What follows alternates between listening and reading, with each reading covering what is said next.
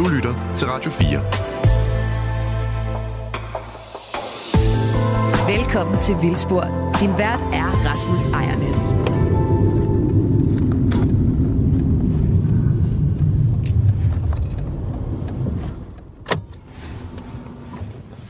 Det her, det er starten på et eventyr.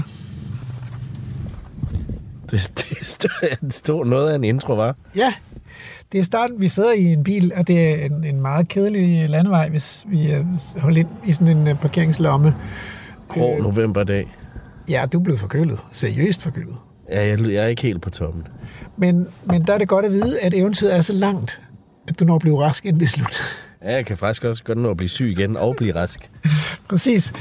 Øh, og øh, nu må vi hellere afsløre, at i dag starter eventyret. Vi er simpelthen på vej ned til øh, Klilund øh, Biodiversitetsdyrehave for at møde Sofie Kirk Christiansen.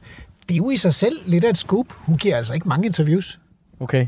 Hun er sådan et, et, et privat menneske, kan man sige, som ikke øh, føler noget behov for at slå om sig med armene og, og gøre opmærksomhed og være med i X-Factor og Vild med Dans og sådan noget.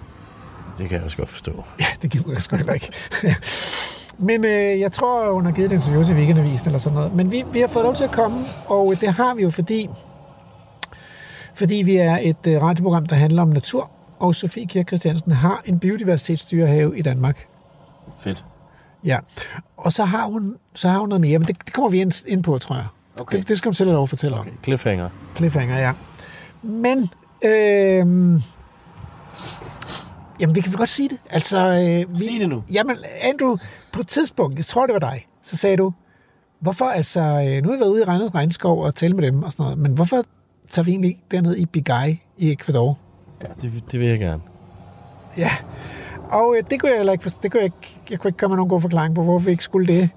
Øh, øh, nu har vi søgt penge til det, og det lykkedes at finde penge til rejsen, så Vildspor skal simpelthen til Ecuador. Yes. Og øh, Vildspors øh, vært, Rasmus Ernest, skal besøge en regnskov, regnskov for første gang i sit liv. Og det er jo på høje tid, når man er professor i biologi og biodiversitet. Det må man sige. Det er et af verdens, altså Ecuador, regnskoven der ved foden af Andesbjergene, det er et af, et af verdens allermest biodiverse steder. Ja. Jeg glæder mig som lille barn. Vi skal afsted til januar, midten af januar, og øh, vores guide derovre, det bliver jo Asser fra Randers Egenskov. Altså Ølgaard, som er kommet... Øh, altså Big Guy er et, øh, et naturområde, som øh, Randers Regnskov øh, har købt og beskyttet. Øh, og, og Asser har været med til ligesom at bygge det op dernede. Ikke? Og det skal vi høre, selvfølgelig høre en masse mere om, når vi skal derned. Men jeg tror, Asser han kommer også ned til Sofie i dag. Det gør han. Ja. Så, så ham skal vi også møde i dag. Og, øhm, Og, og, og jeg tænker, at lytterne lige nu, lige nu sidder og tænker, hvordan er de to ting koblet sammen? Hvorfor snakker I om Klilund, og hvorfor snakker I om... Selvfølgelig gør lytterne det. De er jo ikke dumme. Det er jo, øh, det er jo vildsporslyttere. Det er nogle af, nogle af Danmarks klogeste lyttere, der sidder og lytter til det her program. Det ved du godt. Okay. Så jeg tror ikke, der er, der er ikke, ikke grund til at fortælle dem mere. Egentlig. Nu skal de sidde og tænke lidt. Okay, ja. Cliffhanger. Ej, hvad er det? Altså, øh, man kunne også godt længes til... Jeg ved ikke, om lige en regnskov, fordi det regner jo hele tiden nu. Men altså, øh, men, men til noget natur og noget lys og, og noget liv og sådan noget, fordi det er, Hvis du kigger rundt her, det er midt i november. Ja. Det regner, og det har regnet, og det, øh, der ligger vand overalt på markerne, og det er gråt, og det er mørkt. Solen er lige stået op, og den er lige ved at gå ned. Og, øh, og der er bare her, det er jo også et dødssygt landskab. Det. Hvorfor holder vi her? det var dig, der ville holde i den her lomme her. Ja. Bilerne vælter, og lastbilerne vælter forbi, og øh, øh, der er store, vidtstrakte marker, som ligger med et eller andet grønt klæde, for at prøve at holde lidt på vand og næringsstoffer. Men der, det, der er sgu lidt mistrøstigt, det må man sige. Så, så jeg, synes, jeg synes, vi skal glæde os og kigge fremad mod øh, kæmpe oplevelser. Og, og noget af det, der bliver vildt spændende, det er jo også at finde ud af, hvor, hvor meget anderledes er det der med naturbeskyttelse, når det foregår i, øh, i den tredje verden på et andet kontinent i en helt anden setting. Ja, hvorfor er det, at Randers Egenskov opkøber det helt derovre, og ikke, Det kunne man også sige. ikke fint købe arealer her? Det kunne man, og det er jo det, som Sofie Kirk Christiansen har gjort, og det håber hun vil fortælle lidt mere om med den her, øh, den her biodiversitetsdyrehave. Det er jo ikke noget helt lille naturområde. Vi, vi jo tager jo med Vildsborg ofte ud til Mols, Mols Laboratoriet. Øh, det er 120 hektar, Sofie Kirk Christiansens, det, det, det areal der øh, i Klilund Biodiversitetsdyrehave, det er mere end 10 gange så stort. Hold da op. Så det er stort. Der er ulv. Det er, det er jo ikke nogen hemmelighed, at, øh, at ulven har simpelthen slået sig ned i den der dyr. Det synes jeg også. Det skal vi også høre noget mere om. Hvad, hvad, tænker, er til. hvad tænker hun om det? Ja. Altså, har hun sendt invitationer ud til ulvene om, at de bare er velkomne, eller hvad der Har hun selv sat dem ud? Eller? Det må vi høre. Hvordan lyder en ulveinvitation? Uh, du vidste, du kunne få mig til det. Andrew, det må være intro nok for ja. dagens afsnit. Ja, lad os komme ud til Sofie. Ja. Du lytter til Vildspor på Radio 4. Nu er vi øh, simpelthen ankommet til Klelund, og øh, vi sidder i et lokale. Andrew, hvad var det, du sagde om det her lokale? Det er bare, det runger bare meget. Og det, Og det, der er rigtig højt til loftet. det går simpelthen op i en spids her lige over os. Øh, et trælokale. Vi sidder her. Øh, vi kom på besøg hos dig, Sofie Kirk Christiansen. Tak, fordi vi må komme. Velbekomme. Det er hyggeligt at have jer her. Og du har serveret en kop kaffe for os, og ombord der sidder også altså Ølgaard fra Randers Regnskov. Også velkommen til Vildspor til dig. Tak skal du have. Det er en hemmelighed, hvorfor du er. Det, det breaker vi senere. øh, og, og vi er taget herned, fordi, øh, ja, fordi vi har fået en invitation. Og, øh, og vil, du, vil du ikke sige, Sofie, hvad er det for et sted, det her? Hvor er vi, hvor er vi kommet hen? Vi er kommet ud på heden. Vi er i øh, Glelund Dyrehave. Øh, det er faktisk Danmarks første biodiversitetsdyrehave, øh, som øh, blev øh, hegnet i 2010, og hvor vi har arbejdet med at forøge biodiversiteten herude lige siden. Og der skal jeg jo nok lige øh, komme med en disclaimer her, fordi jeg har faktisk været med til at evaluere. I fik en biodiversitetsdyrehave tilladelse, som rakte i 10 år, mm-hmm. og, øh, og en af forudsætningerne var, at I skulle øh, overvåge naturens udvikling i de 10 år, og så skulle der tage stilling til, om I kunne få forlænget tilladelsen. Ja, det var faktisk ikke en permanent tilladelse, vi fik i 10. Det var en, øh, en midlertidig. Så med risiko for, at hvis det gik rigtig skidt for biodiversiteten, så vil staten sige, så er det slut, Sofie, nu, nu overtager vi simpelthen, det går ikke det her. Nej, ja, Ja, man skulle ville det, men jeg var ikke så bekymret, fordi det ville vi rigtig gerne. Ja. Men det vi kunne se af data heldigvis, det var jo faktisk, at når man kigger på nogle af de øh, sårbare øh, plantearter, som vi ved er sårbare fra det nationale overvågningsprogram, så gik det godt, det gik fremad i dyrehaven. Og når vi kiggede på de levesteder, der var hernede, og de processer, der var hernede, så gik det også fremad. Det blev vildere og mere mangfoldigt i de 10 år. Så noget af en rejse. Ja, det har været noget af en rejse. Øhm, og vi skal måske også sige til lytterne, hvor vi er henne. Vi er i Jylland, og øh, vi er syd for Billund. Meget mere præcist. Altså, kan, man, kan du være lidt, hjælpe mig lidt med noget præcision her? Øh, den lille by heroppe hedder Hovborg, Hovborg, så ja. øh, vi hører, har postnummer i Holsted. Så, men vi er vel næsten nøjagtigt midtvejs mellem Kolding og Esbjerg. Okay, nu tror jeg, at de fleste af vores lyttere vil være med. Ikke? Ja. Også selv, selv københavnerne, det må jeg også. Ja. Lytter. Øh, men altså, øh, ja, Så det er jo herude, hvor, altså på de gamle hedeplantager. ja. Så det var faktisk også sådan, det startede med, med det hed, inden det hed, blev Klilund Dyrehave, så hed det Klilund Plantage faktisk. Ja, det har jo været øh, i, i øh, ja, næsten 200 år været øh, drevet som sådan en hedeplantage, og de forrige ejere lavede øh, pyntegrønt og juletræer her. Og jeg tror, jeg tror, det var i 1869 eller sådan noget, at øh, de første træer blev plantet her. Og indtil der var det en fælles hede, der hed Så det- Sande, tror jeg. Så det, det hele det her område var jo, var jo en stor hede dengang. Så det var derfor, du sagde velkommen til heden. Ja. Ja, Ja. så det er faktisk det, det var engang. Ja, ja. Men- Og det har I jo også fået tilbage i høj grad. Altså fældet en del af plantagerne, så der er kommet åben hede igen. Ja, altså heden var jo groet til i, øh, i bjergfyr, øh, mm. som sikkert har været plantet på et tidspunkt, men som bare har spredt sig helt vildt. Mm. Så, øh, så hele den øh, nordlige del af dyrehaven er, øh, er åben hede nu, mm. øh, som vi har, øh, hvor vi fjernede bjergfyren og afskrællede øh, det øverste lag, som var fyldt med organisk materiale. Og så nedenunder så lå alle de her fine lyngfrø, der havde sikkert ligget i, ligget i 100 år, mm. og ventet på, at øh, de fik lejlighed til at, øh, at, at spire. Mm. Og, øh, så, det er, så nu har vi, har vi åben hede igen deroppe. Mm. Øh, Og jeg vil sige, der, der spiller, øh, spiller hele fældningen af alle de der bjergfyr også lidt en rolle i det, vi skal tale om senere. Øhm, så. Sp- spørgsmålet er, om vil du vise os noget af det? Fordi jeg, kan også, mm. jeg tror, Andrew, det der med, at det runger der, vi, vi skal ikke sidde her alt for længe, vel? Øh, Det runger for meget. Så vi skal ud i naturen. Ja. Kan vi gå en tur? Det kan vi i hvert Altså, fald. det, det er november, og det er godt, og Men det er regner, regnfuldt. det regner ikke. Men lige nu regner det faktisk Nej. ikke. Lad os gøre det.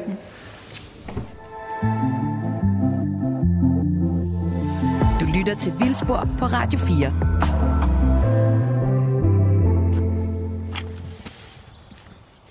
Nu, øh, nu er vi kommet udenfor, og, øh, og skal ud og gå en tur i dyrehaven. Øhm, og vi sagde på vejen, og nu må du lige øh, korrekse mig, hvis jeg tager fejl, Sofie, men vi sagde, da vi indledte programmet, at Klilund Dyrehave er cirka 10 gange så stor som Mols Laboratoriet. Mols Laboratoriet er 120 hektar under hegn. Okay. Ja, vi har vel øh, 1415 hektar eller sådan noget her under hegn. Okay, øh. så Øh. det er faktisk mere end 10 gange så stort. Øhm, og, øh, og det må du lige forklare det der, fordi, fordi dyrehave, så havde man nok godt gættet, og så var der nok et hegn. Men, øh, men hvorfor har I valgt at, hvorfor har du valgt at hegne området? Og hvad er det for nogle dyr, der går her i den her dyrehave? De dyr, der er her, det er egentlig jo dem, der var her i forvejen. Øh, så kronvildt og råvildt. Øh, så kronvildt og råvildt er de dyr, hegn der er en barriere for. Og, øh, og der var også mange overvejelser i, om vi skulle prøve at lave en dyrehave eller ej. Men for at lave det her projekt, hvor vi har øh, mest mulig biologisk mangfoldighed, øh, så er det nødvendigt at have hegnen for at kunne skabe et konstant græsningstryk. Øh, der var rigtig meget kronvild her, da vi kom til, men primært kronvild, som så stod inde i plantagen øh, for at få ro og fred, og så gik de ud på markerne udenfor og græssede om natten, og så gik de ind igen og, og sked inde i, ind inde i skoven. Så, så det gav en ubalance, øh, og hele vores projekt går ud på at prøve at, åh, det er lidt flot at sige måske, men at restaurere et økosystem og prøve at få, få noget, som er så naturligt øh, og oprindeligt som muligt. Og det kan være utroligt svært, hvis du har nogle dyr, der spiser ude på nogle marker, og så går ind og, og lægger en masse næringsstof ind i skoven. Så, så det stod har ret hurtigt klart, at i det her projekt, så var det nødvendigt at holde på, holde på dyrene for at lave et lukket system. Men, men der er jo mange, der... Man taler jo meget om det her med at få dyrene tilbage i vores natur. De der øh, græsne dyr, som kan gå og skabe noget variation og noget diversitet og sådan noget. Også i forbindelse med de her nye naturnationalparker og sådan noget. Øh, har, har, I, har, I, har I tænkt andre dyr ind i det end øh, hernede i Klilund, end, øh, end rådyr og krondyr? Ja, fordi det passer jo faktisk ikke rigtigt det der, jeg sagde før. Øh, vildsvin kom jo til sidenhen. Så i 2010, der var det råvildt og, og kronvildt.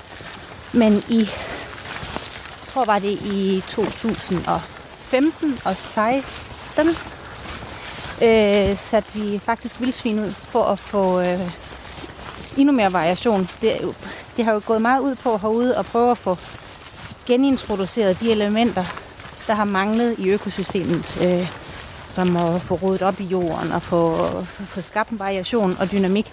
Og der supplerer vildsvinene øh, kronvildet rigtig godt. Så der fik vi heldigvis lov til, efter, efter at have, have søgt øh, og hentet nogle øh, vildsvin op i Tofte Skov, som har nogle vildsvin, som minder meget om den oprindelige danske stamme. Ja, altså fordi, øh, fordi de har haft vildsvin i mange år oppe i øh, Vildmoseområdet. Det er oppe i Tofte. Ja. Øhm, og, og ellers så er vildsvin jo en, en persona non grata, havde han sagt, i dansk naturforvaltning, ikke? fordi dem vil man ikke have ude i det uhegnede landskab. Så det er ligesom chancen for, at, at de kan være med til at sætte deres præg på naturen, det er, at man har et hegn. Ja. Ja. Og det var virkelig dejligt, at vi fik lov til at sætte dem ud i hele hegnet, så, så de kan påvirke naturen i hele området, i stedet for at skulle have dem i, på et relativt lille areal. Ja. Men, men øh, så er det jo heller ikke nogen hemmelighed, altså, øh, at der er kommet et nyt dyr. Ja, men de er jo men- ikke hegnet inde. Men det, og I har heller ikke sat dem ud. Nej, Men det er ulven. Ja. Hvornår, øh, hvornår opdagede I, at der var en ulv, der ligesom havde øh, sagt, øh, den her fest, den skal jeg også være med til? det gjorde vi i... Øh, nu går vi lige under den her vand. Det gjorde vi i august 2020, tror jeg. det var, hvor, øh, hvor vi fandt et øh, kadaver op på heden. Ja. Og jeg tror faktisk også øh, nogenlunde samtidig med, var der en skovgæst, der for, øh, det er jo tit, at der er skovgæster, der ringer til Michael, øh, min driftsleder, om mandagen og fortæller, hvad de har oplevet i weekenden. Ja. Og der var en skovgæst, der ringede og fortalte, at vedkommende havde set en ulv. Og det er jeg ikke sikker på, at Michael han helt købte den. Men så fandt vi så det der kadaver Det få dage efter. Altså, fordi den der ulv, den sneg sig under, den første ulv i Danmark, sneg sig under radaren i mange år. Mm. Der var folk, der syntes, de havde set noget og sådan noget, men ingen troede dem. Og så, så det der med, med, med første gang et dyr, det dukker op, det er svært at tro på, ikke? Altså, man tænker, ah, puma, sagde du puma? Ej. Nå, øhm, Men altså, der var ikke noget at fordi vi sendte jo så øh, prøver ind fra det der kadaver, Ja. ja. og fik også ident- identificeret, øh, hvilken ulv det var. Øhm, Men, men øh, det sensationelle, hvis jeg må være så fri, det er jo så, at, at, det, ikke, at det så ikke nøjes med at blive en ulv, men at der, der dannede sig et ulvepar. Der kom en mere. ja, fordi det der sker er så, faktisk ikke helt huske tidslinjen, om det var samme år eller året efter, men vi, vi satte jo nogle øh, vildkameraer op rundt i skoven, øh, og lige pludselig så var der to ulve.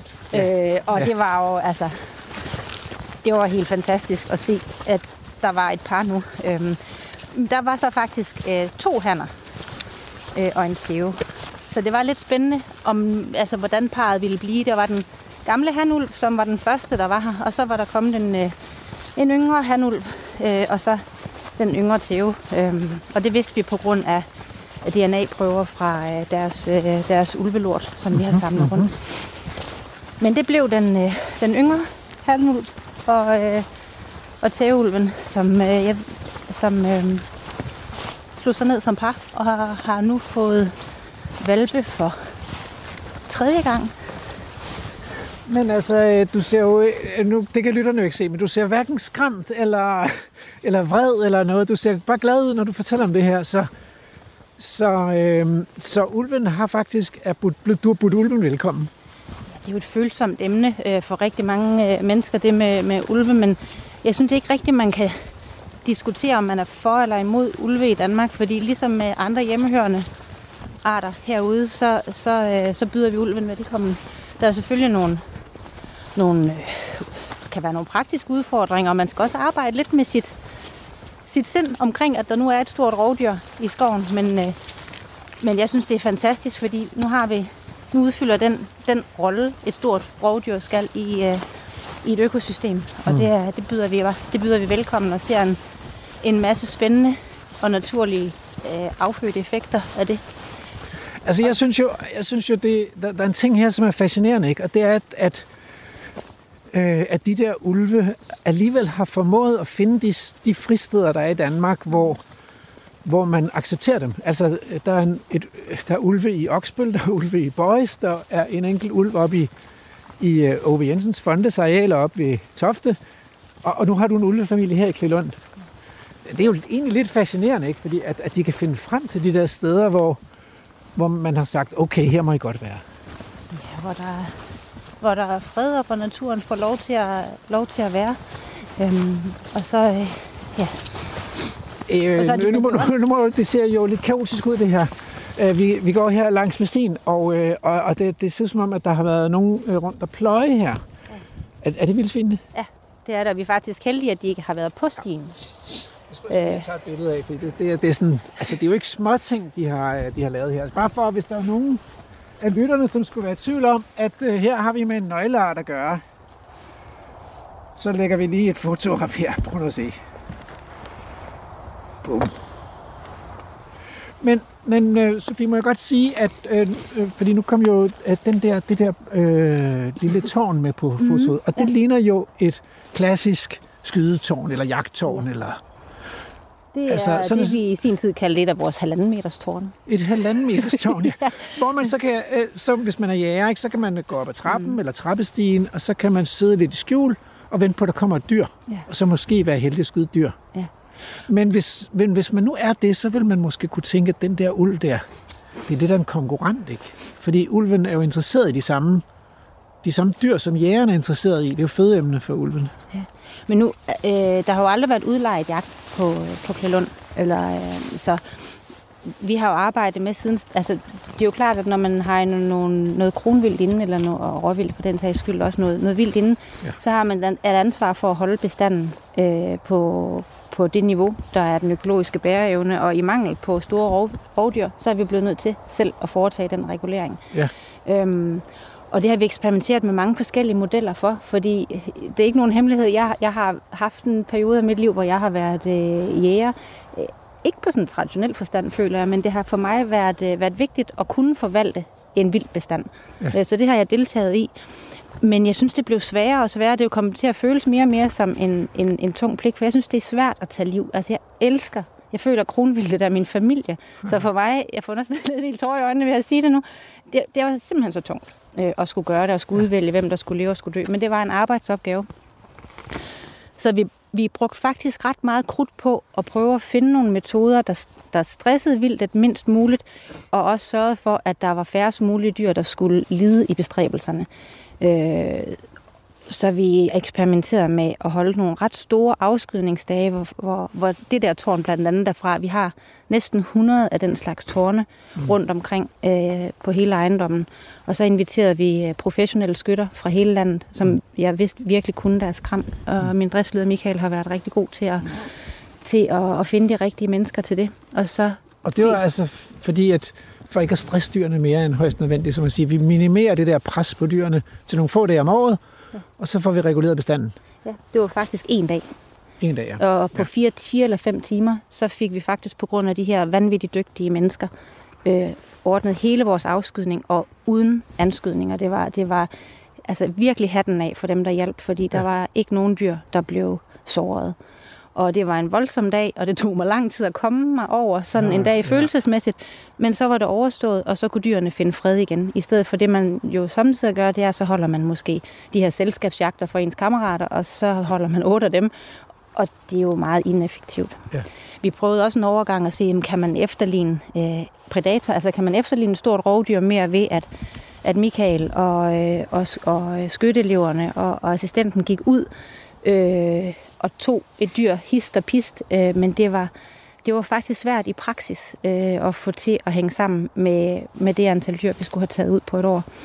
Men så i 2020, så løste det sig jo øh, ved, at ulven det siger kom. du, altså... Øh, øh, du, så du, i, det, i dit tilfælde her, der var ulven løsningen. Altså det var den, øh, det er den øh, jo. Øh, altså man kan sige, de spiser jo hvad de spiser, og Ja. de spiser jo både inden for hegnet og uden for hegnet. Hegnet er ikke nogen hindring for for ulven, og det er også utrolig vigtigt for mig at, at sige, at der er ikke nogen dyr herinde, der er blevet mere stresset øh, af, at ulven er kommet. Det er faktisk ret fantastisk at se, hvordan byttedyr og rovdyr er tilpasset hinandens biologi på en måde, sådan at ja, de har ændret øh, adfærd kronvildet ved, at de står mere ude på det åbne, hvilket vi i øvrigt også gerne vil have, fordi vi skal have afgræsset heden og de lysåbne områder. Fordi så kan de se. Så kan de se. Ja. Så, og tit, øh, nu ved jeg ikke, om vi er heldige på vores gåtur at se noget, øh, noget kronvildt, men man ser dem faktisk mere, og deres, øh, de flygter ikke så nemt, øh, når de ser mennesker. Men min erfaring herudefra er, det er slet ikke ulvene, der stresser vildt. Det er også mennesker. Så i Det er perioder... meget skægt, fordi øh, jeg hørte et foredrag af en, der arbejder i Serengeti Mara, mm-hmm. Og der har de jo undersøgt det også, og de der knuer der, altså nummer et på listen, det er ikke løve, det er menneske. Det er det simpelthen det værste. Sådan øh, sådan en corona-weekend, det stressede dyrene i forhold til, øh, til så meget andet, man kunne se. Så, Altså, jeg, så, så derfor, ja. her har ulven jo altså, eller hvad hedder det, ikke ulven, men vildsvin jo simpelthen pløjet vejen og midterrabatten op. Øh, til nye lyttere, der er kommet til, så skal jeg sige, at vi, øh, vi er ude at gå i øh, Midtjylland. Øh, det midtjyske øh, hedestrækninger, midt-sønderjyske hedestrækninger. Vi er i Klelund Dyrehave, og øh, vi er blevet inviteret til at besøge dyrehaven af Sofie Kirk Christiansen, der ejer dyrehaven, og som har været med til at beslutte, at her skulle ikke være en 060 plantage, her skulle være en biodiversitetsdyrehave. Og vi har talt lidt om dyrene herinde. Øh, så det er de, de dyr, der var her, da dyrehaven blev etableret, nemlig øh, rådyr og krondyr. Og så er der indført vildsvin, øh, som har været her i en 7-8 år eller sådan noget. Og så, og så er ulven simpelthen kommet af sig selv. Og der er en etableret ulvefamilie, et, et par ulve, der har fået valpe. Sagde du to, tre gange? Er det ikke tre gange? Ja, det skal jeg, nok passe, det er tre jeg, gange øh, faktisk. har fået det. Og så er det lidt sjovt er jo, at der er, der er moren og faren, og så er der faktisk en tævevalg fra det... Åh, oh, prosit. så er der faktisk en tævevalg fra det første kul, der har været ude og se efter, at territoriet er kommet tilbage og hjælp med, med dette års... Oh, der, er vildsvin. der er vildsvin. Nej, nej, nej, nej. Ja, det er Ej, fantastisk. ej, det bliver ved. Mange mand. Er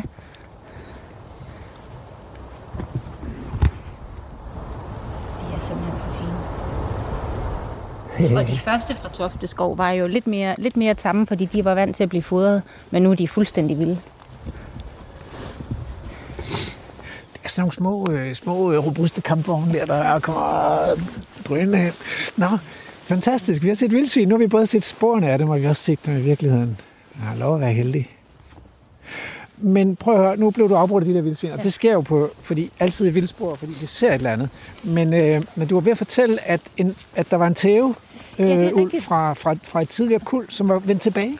Ja. Og som har øh, hjulpet med at opfostre de følgende kul, og faktisk også en, en øh, handvalg fra sidste år. Så en toårs tæve og en etårs øh, han, der hjalp til i år. Øh, Fordi, fordi det er nemlig det er jo super interessant det her, og vi skal jo lære noget om, om de her dyr, som ligesom har været væk i så mange år øh, fra Danmark. Men, øh, altså, fordi, man, man ser jo, at, at det her med store ulvekobler, det, det er ikke sådan, ulven organiserer sig. De er i små familiegrupper, og når, øh, når valpene bliver store, så flytter de hjemmefra, om jeg så må sige. Og så bliver øh, den voksne han og hul- hunulv tilbage. Men du siger, det er altså lidt mere nuanceret eller, eller, eller kompliceret. Ja, altså jeg, jeg tænker også, at det, er, det må være, være, være øh, noget nyt, at der er sket, fordi øh, og vi, vi er jo i tæt samarbejde med, med øh, Aarhus Universitet og Naturhistorisk Museum i Aarhus. Øh, så vi er alle sammen jo ved at lære noget nyt øh, her, og det er jo vildt spændende at kunne være med til at bidrage til, til det. Vi har tidligere lavet, øh, lavet et ulveprogram med Kent Olsen, blandt ja. andet, øh, fra Naturhistorisk Museum. Ulvekendt, ja. ja. han er ulvekendt. Øh, så, øh, så, så lytterne har mødt både, øh, både Kent Olsen øh, og Peter Sunde. Har også været med tidligere. Øh, men, men det vil sige, altså fordi nu kom vi lidt hurtigt fra jagten og til ulven, men det vil sige, at du ser ikke ulven som konkurrent til det der, øh, det, det der altså hjortekød smager jo godt. Ja, altså jeg, jeg spiser faktisk overhovedet ikke, øh, Nå, ikke nå, kød. Nej, det var men, øh, men, øh, men jeg er, jeg er jo helt på linje. Det var jo meget bedre, hvis man kunne nøjes med at spise kød fra dyr, der havde levet et frit og Ja, godt liv, klart. i stedet for at støtte øh, og, og, og, og spise produktionsdyr. Ja, klart. Så ville verden være et bedre sted. Men, men, øh,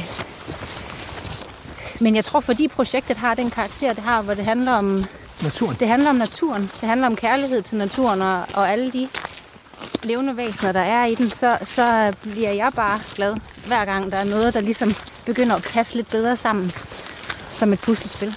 Okay. Øh, øh, men vi har faktisk også tidligere lavet programmer om det her med, med dyreetik, og jeg talte med, har talt med Peter Sandø og sådan noget. Ikke? Der er jo også nogle af de her dyreetikere, som er bekymrede ved, at der er rovdyr i naturen, fordi at, at rovdyrene også kan være, altså slå byttedyrene ihjel og sådan noget, og måske synes det var bedre, hvis man lærte rovdyrene at blive vegetar, men, men så langt går du ikke. Nej, men jeg har faktisk tænkt over det, fordi der er jo ingen...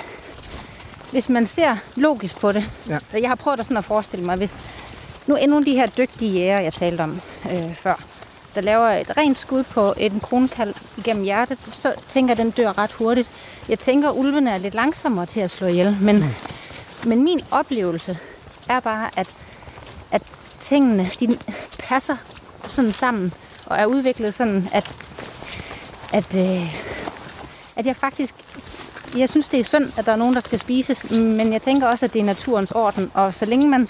Jeg synes ikke, at vi kan gøre os til herre over, mm. hvordan ulven skal spise øh, kronvildet. Det er, jo, det, er, det er jo bi- biologi på en eller anden måde. Men det er jo noget af det, der er allersværest for, for os mennesker, det er at holde op med at gøre os til herre, fordi vi ligesom har vendt os til, at det er os, der er herre over naturen. Det, er- vi kontrollerer naturen. Ja.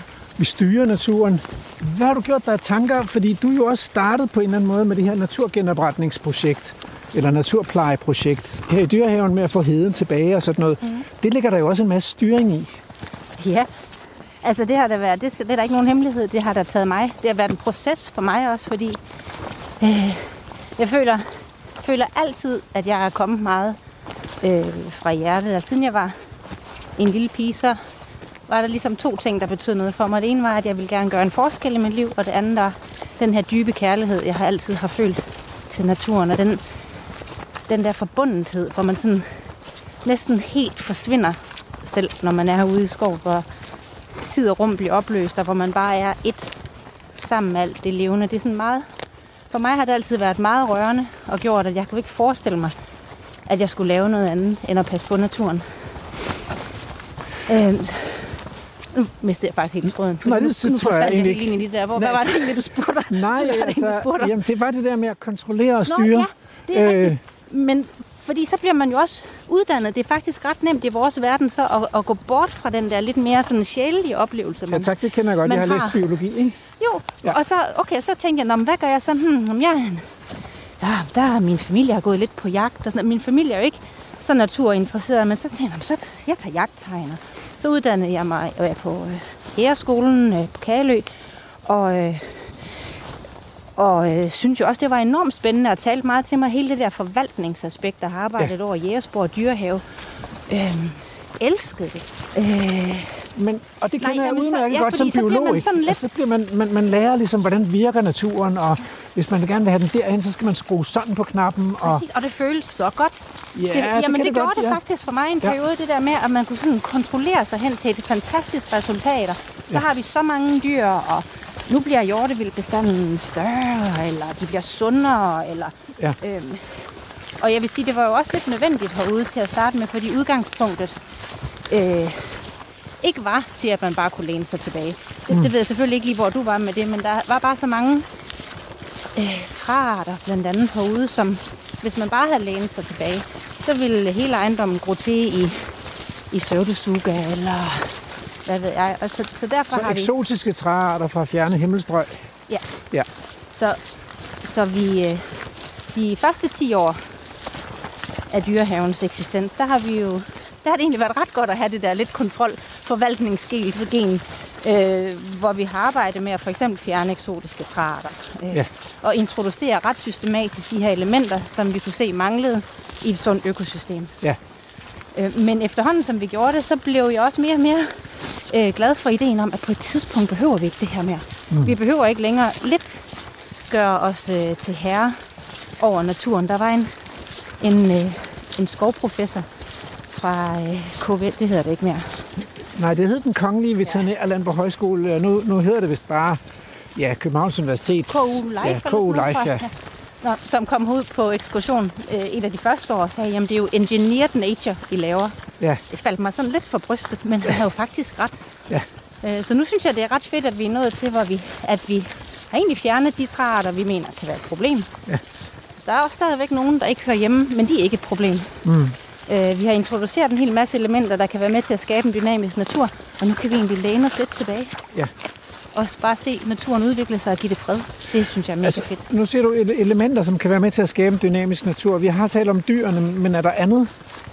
Og nu for eksempel, vi går lige forbi der, en, det er godt nok en lidt lille trekant af dødt ved, Ja, men det er jo noget af det, vi har arbejdet også meget med at skabe. og få dødt ved i systemet. jeg synes, vi skal prøve på den her. Vi går den her vej ned. Yes. Ja, dødt ved og ådsler for den sags skyld. Det er også sørger ulvene jo så for. Men inden ulvene kom, så, så øh, lagde vi selv øh, døde dyr ud. Ja. Så der er jo sket en, en stor vækst i... Øh, det, ved Men det det har du jo nok set. øh, Altså, det er jo de svært, det der med døde dyr, ikke? Fordi at der er så mange regler og sådan noget, ikke? Og man skal have det op og ligge på en platform og dit og datten. Øh, men, men nu gør ulvene det, fordi de faktisk øh, efterlader ådsler i naturen. Det gør det, så det er, jo, det er jo helt perfekt. Men du har fuldstændig ret i det med regler. Altså, der er, der er godt nok mange regler i Danmark, og de er ikke altid til fordel for, øh, for naturen, eller sådan nogle lidt visionære naturprojekter. Men det, Altså i Det et er tidligere program, der konkluderede vi simpelthen, at vild natur er forbudt i Danmark ved lov. Ja, fordi For vi skal have mange regler. produktionsskov faktisk i stedet for, ikke? Det Jo. jeg tror. Øh, det er Steffen Bengtsson, som har hjulpet, det fra Faunafors, som har hjulpet mig hele vejen igennem. Han kunne tale om det her meget længe, men så vidt jeg husker, så var der også regler for, hvordan man, hvor, hvor store lysninger man måtte lave, hvor, hvor, stor, hvor meget man måtte tynde i træerne og sådan Ja. noget. Det er jo alt sammen levn fra en produktionsskovslovgivning. Ja. Så, men, øh, men vi er kommet omkring det hele, synes jeg, øh, lovgivningsmæssigt, så det er jo fedt. Du lytter til Vildspor på Radio 4. Det er en øh, elendig øh, novemberdag, men vi går heldigvis et øh, dejligt smukt sted. Vi, er gået, vi går i Klelund Dyrehave, og vi har snedet os væk fra grusvejen og ind på en lidt mindre sti. Vi går imellem øh, lyng. Den har blomstret. Øh, og, øh, og der er træer, og der er, jeg tror, jeg hørte en fuglekonge eller et par stykker endda. Vi har lige set vildsvin. Der er altså ikke mange steder i Danmark, hvor man kan være heldig at se sådan en flok vildsvin svin løb hen over en skovvej. Men det kan man her i Klælund Dyrehave. Og så taler vi om øh, den naturgenopretning, som kan få den vilde natur til at leve igen. Øh, både det med at få de store øh, nøglearter tilbage i økosystemet, men også at, også, øh, genskabe nogle, noget skovstruktur, noget dødt ved, nogle lysninger. Øh, jeg synes, jeg kan huske, at I også har arbejdet lidt med at få nogle buske ind i systemet igen. Altså vilde Ja. vedplanter, øh, stikkende buske og sådan noget. Ja, vi, ui. vi, lavede, øh, vi lavede en liste over de arter, der manglede simpelthen ude lige fra, lige fra buske til, til træer. Og så Ja. har vi, så har vi øh, gjort vores bedste for at få passet dem ind. Ja.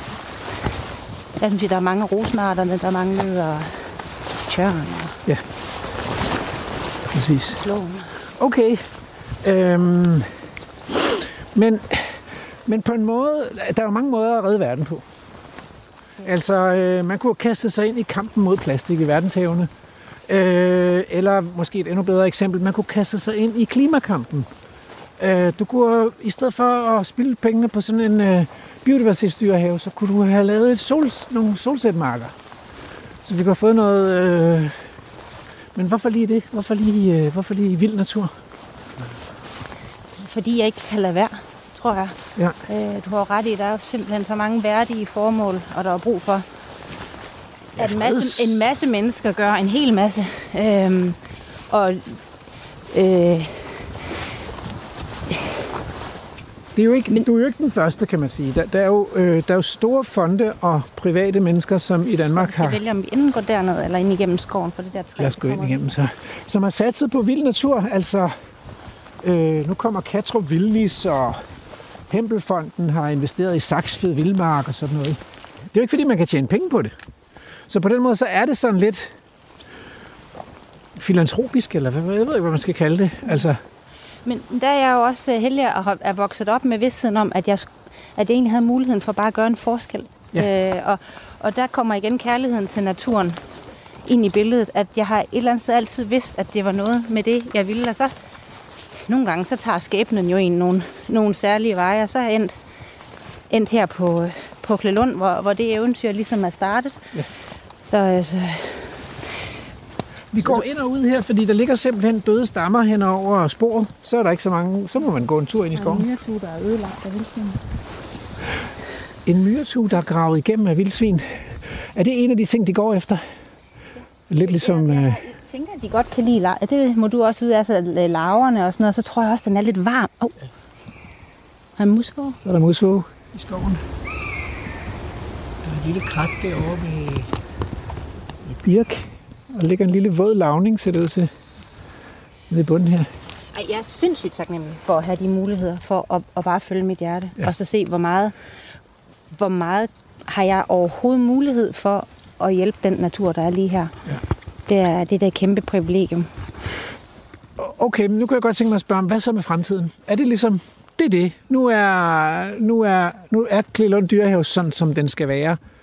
Eller, eller kan der, er, der, er, der, er der sådan nogle dyr på ønskelisten? Eller? Nå, det spurgte du også om før. Jeg tror ikke måske, ja, man skal aldrig sige aldrig, men er ikke lige sådan nogle dyr, jeg tænker er på ønskelisten, men, øh, men vi har været i gang nogle år med at opkøbe øh, jord øh, i udkanten, øh, som vi også skal prøve at få konverteret noget tidligere landbrugsjord til noget mere righoldig natur. Mm. Øhm, så har jeg overtaget vores tidligere familieejendom i Skotland, Strathconnen, hvor jeg også øh, skal lave det til et mere helhjertet naturprojekt. Øhm, det har været drevet primært som, som en jagtejendom hed til.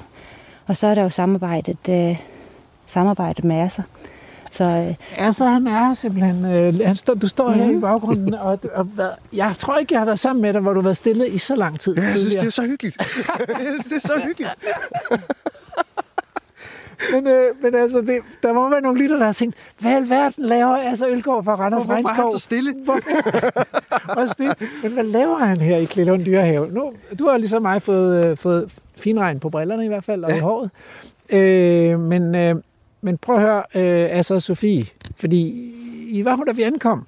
Hvad, hvad er det, I har gang i? Øh, jamen, jamen, jeg tror, det, det vi har gang i, det er jo noget, der har... Jamen, Sofie, du har allerede sagt det. Det handler jo... Vi har gang i noget kærlighed til naturen. Fordi at det, der, det der er brug for noget mere af i verden, og vi har, øh, synes jeg, masser at give af kærlighed til naturen. Og vi har, øh, vi har ligesom fundet hinanden i en måde at, at, at prøve at, at, at gøre noget. Øh, gøre noget, der føles øh, meningsfuldt. Men prøv at høre. Vi, vi startede det her program med at sige, at vi, vi skal ud på en rejse.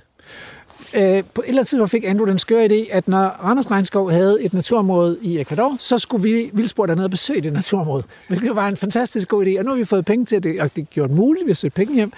Så vi skal til Ecuador. Og så, og så på det første møde, hvor vi sidder og snakker, så siger du, og forresten, og forresten, så, så er Sofie også begyndt at interessere sig for øh, opkøb af vild natur i Ecuador. Lige præcis. Og jeg vil også lige som en kommentar til det, du siger, at det er meget op i tiden, og det er jo simpelthen så fedt, at der er så mange også øh, stærke pengefolk, der er begyndt at poste penge i, i naturen. Det, er- det er mega fedt. Øh, det kan, det, jeg, jeg føler, at vi har været i gang længe. Jeg synes, den her... Øh, Det har vi også. det har været, det har været en, for mig har det været noget, der har modnes. Jeg har haft så travlt med, med, med Klelund og nogle nære ting, og så er det bare mega fedt at kunne begynde at komme ud over stepperne med noget, noget der, der ikke er helt så nært. Jeg, jeg har, jeg husker, der hang på min væg, da jeg var, var, var barn, sådan en, øh, jeg ved ikke, om I andre har haft det, sådan en lille fire akker. jeg kan huske, der var et, et grønt træ med et rødt hjerte indeni, og jeg havde ønsket mig, at jeg fik et, et skov, eller en, et træ i regnskoven, eller sådan noget. Så det har været i min bevidsthed, lige siden jeg var, var lille, det med regnskoven. Og så tilbage til det der bjergfyr ude på heden. Øh, det var jo noget af det første, vi gjorde herude, det var, at vi blev nødt til at fjerne bjergfyren ude på heden for at, at beskytte heden. Og det var jo det helt rigtige at gøre. Ligesom det også var det rigtige at fjerne den lille kultur med pseudosuga. Men jeg græd som pisket, fordi øh, jeg synes, det var hårdt at se voksne træer øh, forsvinde og blive taget væk, fordi de ikke lige var de rigtige.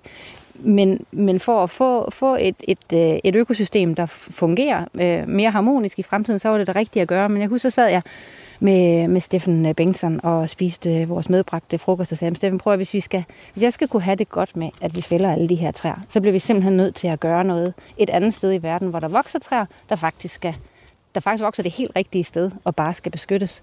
Og det var sådan, det startede, og det er jo virkelig mange år siden nu, og det har bare taget rigtig lang tid at finde de rigtige samarbejdspartnere, fordi selvom man måske har midlerne til at skyde i det, så er det faktisk så sværere end som så at finde områderne og få passet på dem og sådan noget, når man først har fået dem opkøbt. Og så lovgivningen, hvis vi synes, den er svær i Danmark, så er det i hvert fald, der skal en, en kender til øh, i, i, i mange fremmede lande. Så, så en dag så kom Steffen og sagde, Sofie, jeg tror, jeg har fundet det helt rigtige. Og så nævnte han øh, Randers Regnskov, og så sagde jeg prøv det synes jeg lyder som en god idé, fordi der er jeg oppe med, det er den eneste zoologiske have, jeg faktisk rigtig godt kan lide. Og nu ved jeg, at du kan ikke lide, at vi kalder det en zoologisk have, men det er det jo teknisk set. Det er det eneste zoologiske have, jeg, øh, jeg, jeg rigtig godt kan lide at være i, fordi det føles, som om man er på besøg hos, øh, hos dyrene. Øhm, så der, var, der har vi altid været en gang om året, siden pigerne var helt små. Øh, og nu er de jo ved at være store. Så, øhm, så der, det, var, det var bare mega fedt, at, øh, at vi lærte hinanden at kende på den måde.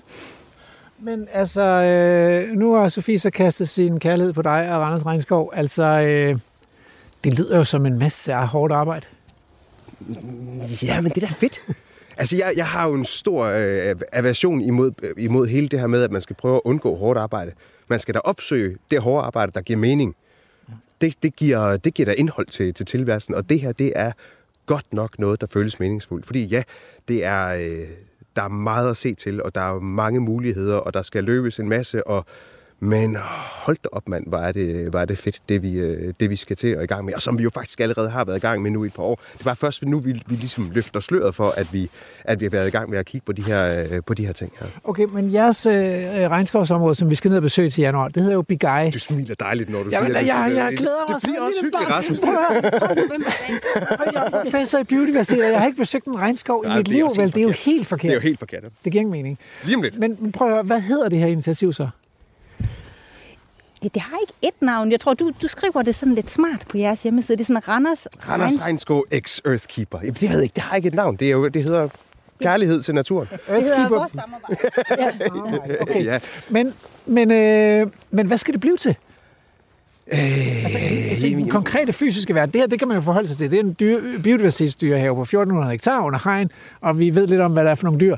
Hvad, hvad, hvad har I gang i? Jamen, jeg synes, da, jeg synes, vi skal starte med i stedet for at snakke om, hvad det skal blive til, fordi at, jeg synes, så lad os snakke om, hvad det skal starte med. Ja. Og det skal jo starte med, og Ja, lad ja lidt. Det skal jo starte med, at, at man prøver at, at undgå, at det fantastiske natur, der stadig findes øh, rundt omkring, i vores tilfælde nu her i troberne, at det, øh, at det forsvinder. Fordi der er jo masser trist at sige omkring øh, nogle, nogle udviklingstendenser her i verden, hvor meget af den her fuldstændig fantastiske tropiske øh, skov forsvinder. Øh, så det vil vi jo gerne sørge for, at, øh, at, at lave nogle steder, hvor det ligesom er lagt i, øh, i korten, at her skal der blive ved med at være natur til, øh, ja, til evig tid. Så det er jo det, vi har været i gang med i Randers Regnskov faktisk efterhånden temmelig lang, mange år. Vi har faktisk arbejdet med bevaring af, af regnskov i specifikt i Ecuador siden 2004, hvor vi påbegyndte et projekt i samarbejde med et lokalt Kichwa-samfund. Og så i 2012, der begyndte vi så selv at opkøbe øh, skov i, øh, i det, der så er blevet til vores regnskovsreservat Bigai. Og det er jo netop sådan en... Øh, det, det er jo bare det, det handler om. Det er jo at sige, det her det er natur, og det skal det blive ved med at være. Det er jo... Øh, vi går ikke ind og fjerner bjergfyr dernede. Dels fordi, at nej, det vil ikke give meget mening. Der er ikke noget bjergfyr at komme efter. Men, men, men, men der er naturen jo allerede selvforvaltende, og der er det allerede de naturlige dynamikker, der- styrer det hele. Så det vi skal sørge for der, det er jo at undgå, at den balance, den bliver forstyrret, og den bliver, og den bliver smadret. Så det har ligesom været, været tanken med det hele, det er, lad os finde nogle små, øh, nogle, nogle, en, den her plet her, og tillade, at det bare er naturen, og naturens interesser alene, der skal, der skal holdes i hævd øh, der.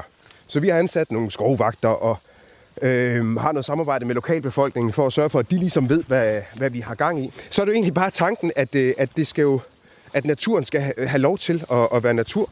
Der er en bestemt... Ja, vi, øh, en af de første gange, vi har, så, vi har også vildkameraer, som vi har sat øh, op dernede fra. Og en af de første grynede optagelser, der var fra en, dernede fra, det var en øh, gravid hundpuma. Det kan også godt være, at hun bare havde en rigtig stor prut i maven. Det ved jeg reelt set ikke, men jeg bilder mig ind, at hun var gravid. Som vandrede igennem, øh, igennem skoven. Fuldstændig stille og udramatisk. Og det var i virkeligheden, det var meget langt fra at være de der store National Geographic-udsendelser med krokodiller, der springer op i vandet og spiser gnuer og slow motion hajer og ting og sager. Det var utrolig udramatisk.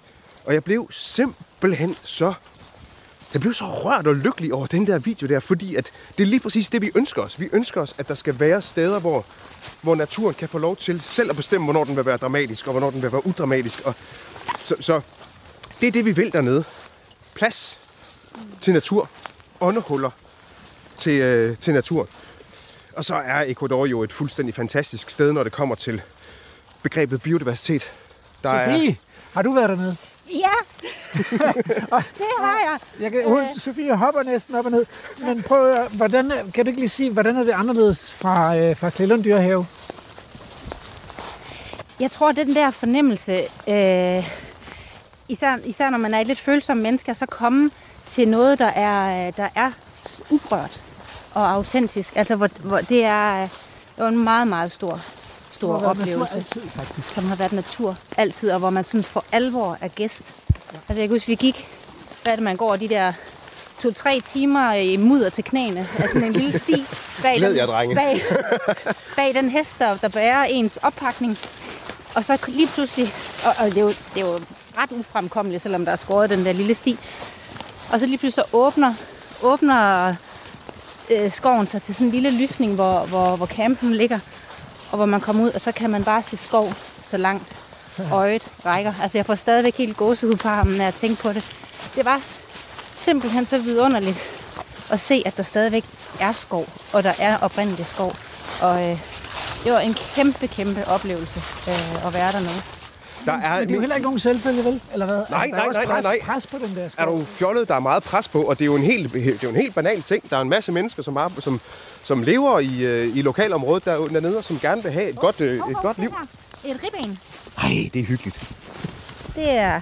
Der ligger et, øh, et ribben, og jeg vil sige det sådan, det ser næsten ud, som når min kone hun, øh, spiser det sidste kød fra benene. Altså, der, der, der er ikke meget kød tilbage på det. Det er også ret friskt, faktisk. Fedt. Ja.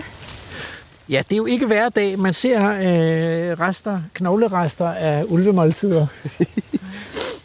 det kan være også en fugl, der er fløjet med det, ikke? Fra Det kan et, et sagtens, kadaver. øh, sagtens være. Og, og øh, som biolog, Rasmus, så ved du jo meget mere om det. Er det ikke rigtigt, at der også er altså, særlige øh, algearter og svampe og sådan noget, som kun vokser på knogler? Altså, så det er vigtigt, at vi har øh, for eksempel sådan et stykke øh, afgnævet knogle der, der ligger er rundt omkring. Og, så, og der er jo særdeleshed enormt mange insekter, der er specialiseret i at leve på ådsler og af ådsler. Det er jo koncentreret føde, så, så jo, det er super vigtigt for biodiversiteten. Og så, og så kan man også sige, at, at det der med, at, at, at der ligger ådsler og forgår på et sted, er også med til at skabe variation i mængden af næringsstoffer og i pH og sådan noget. Man får helt, en helt ændret jordbundsforhold lige der. For det er så meget koncentreret øh, næring. Så på mange måder er det forskelligt. Det her det er et kulturlandskab, som har været udnyttet af mennesker i generationer og bærer præg af det. Og dernede, der har man en regnskov, der er øh, ja, nærmest uforstyrret. Men Men, men jeg, jeg vil sige, min gode ven og kollega fra Randers Egenskov, Brian, han, han har brugt formuleringen, at der er, han siger, at der er noget i luften ude i Bigai, og det, det er noget, han altid siger, og jeg synes, at der er noget rigtigt i det. Der, er, der sker et eller andet, tror jeg, med os mennesker, når vi møder noget andet end det, vi kender i kulturlandskabet. Og jeg synes, at når man så kommer ud til regnskoven i Begejse, det, det sidder i en på en anden måde, end når man går rundt i en, øh, i en plantage. Og jeg synes, jeg oplever, når vi går rundt her i, i Klelund, der, der opstår noget af den samme øh, energi, citron. Der, der, er noget, der er noget i luften.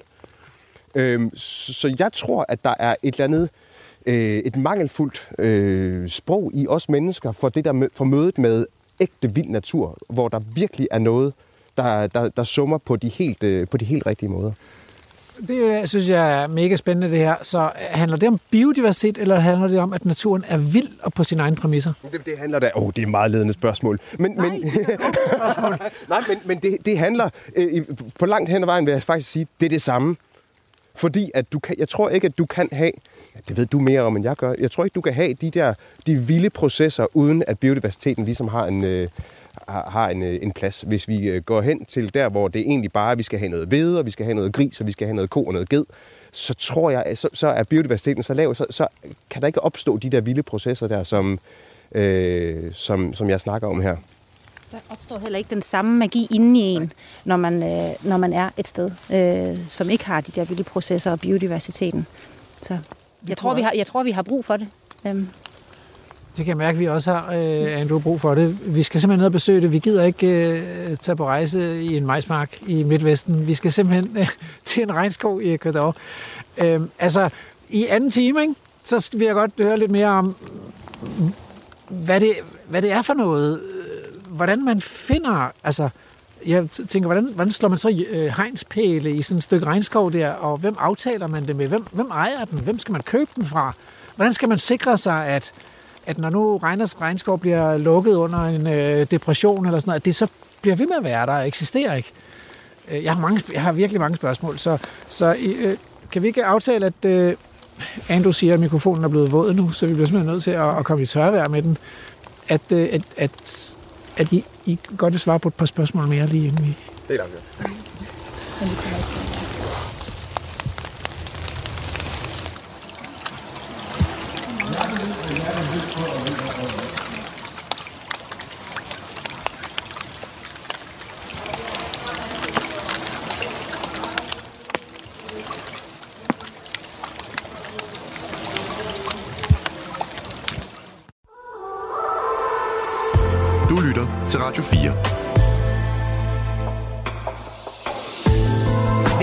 til Vildspor. Din vært er Rasmus Ejernes. Velkommen tilbage til anden time. Vi er øh, trukket i ly for regnen. Altså egentlig regnede det ikke, men som det er nogle gange i november i Danmark, så bliver man utrolig våd, selvom det ikke rigtig regner. og mikrofonen... Jeg synes, det regnede okay meget nu. Ja, og, og, øh, og du havde også øh, sneakers på. Det kan vi jo lige så godt være ærlige, og, og, og blev utrolig våd nede fra os. Ja. Fordi det, har, det, er den våde, det er det vådeste år nogensinde, tror jeg, i Danmark. Ikke? Altså, der er bare vand alle steder. Mine gummistøvler, de, øh, de omkommer simpelthen i, i ugens næste afsnit. Det kan lige så godt af- afsløre allerede nu. De, de, de dør. Ja. Øhm, og, og altså Ølgaard, som også sidder med omkring bordet her, han har sagt, at, at man kan ikke besøge en regnskov i Ecuador uden gummistøvler. Så der er, der er ingen vej udenom. Du skal have nogle nye gummistøvler. Ja. Men vi sidder i, øh, og drikker kaffe hos Sofie Kirk Christiansen, som vi, øh, og, det kan man selvfølgelig høre i første time. Mm, Men vi blev ikke helt færdige, fordi vi, vi er, befinder os i Klelund Dyrehave, øh, biodiversitetsdyrehave, øh, og vi har været gå en tur. Vi har set vildsvin. Det var simpelthen så dejligt. Øh, og vi har talt om kærligheden til naturen. Og så blev det jo breaket i første time, at, øh, at, at I har simpelthen slået pjalterne sammen, Sofie og Randers Regnskov med altså Ølgaard, med det formål at købe regnskov op og beskytte regnskov, beskytte naturen i regnskoven og regnskoven. Øh, og det kunne jeg godt tænke mig at vide lidt mere om, fordi hvordan, hvordan gør man egentlig det? Altså, øh, jeg går ud fra, at det er jo ikke ligesom at købe en dansk ejendom, hvor der står et prisskilt, og så ringer man til ejendomsmaleren. Hvis man nu, hvis man nu skal, skal købe et stykke regnskov, hvad gør man så? Ja, det er måske dig, jeg skal spørge. Altså, eller, Ja, eller fordi hvad? det var i hvert fald det, jeg kom til kort. Og Ja, så ja. derfor var jeg vildt glad for, at vi fandt, uh, fandt Asser og Company. Ja, for det er nemlig har ikke så jo, nemt. øh, Vi har noget erfaring med det. Vi har været i gang med, med at prøve at, at gøre os selv til eksperter inden for det øh, i løbet af de sidste efterhånden over 10 år. Og som min bror tit siger, så øh, en ekspert, det er en, der har lavet samtlige mulige fejl inden for et meget snævert område. Og vi har jo så faldet på halen flere gange og, øh, og har lært af vores øh, fejl og har rejst op og har prøvet, øh, prøvet nye måder. Så, så vi har oparbejdet en masse erfaring i, hvad man gør og hvad man ikke gør, og faldgrupper og, og ting og sager. Og, og det er rigtigt, det er jo ikke sådan noget med, at der er, man kan gå ind i øh, en af byerne og ind i et, et regnskovens ejendomsmalerkontor og kigge på sådan nogle papirer, der hænger på, på væggene. Sådan fungerer det ikke.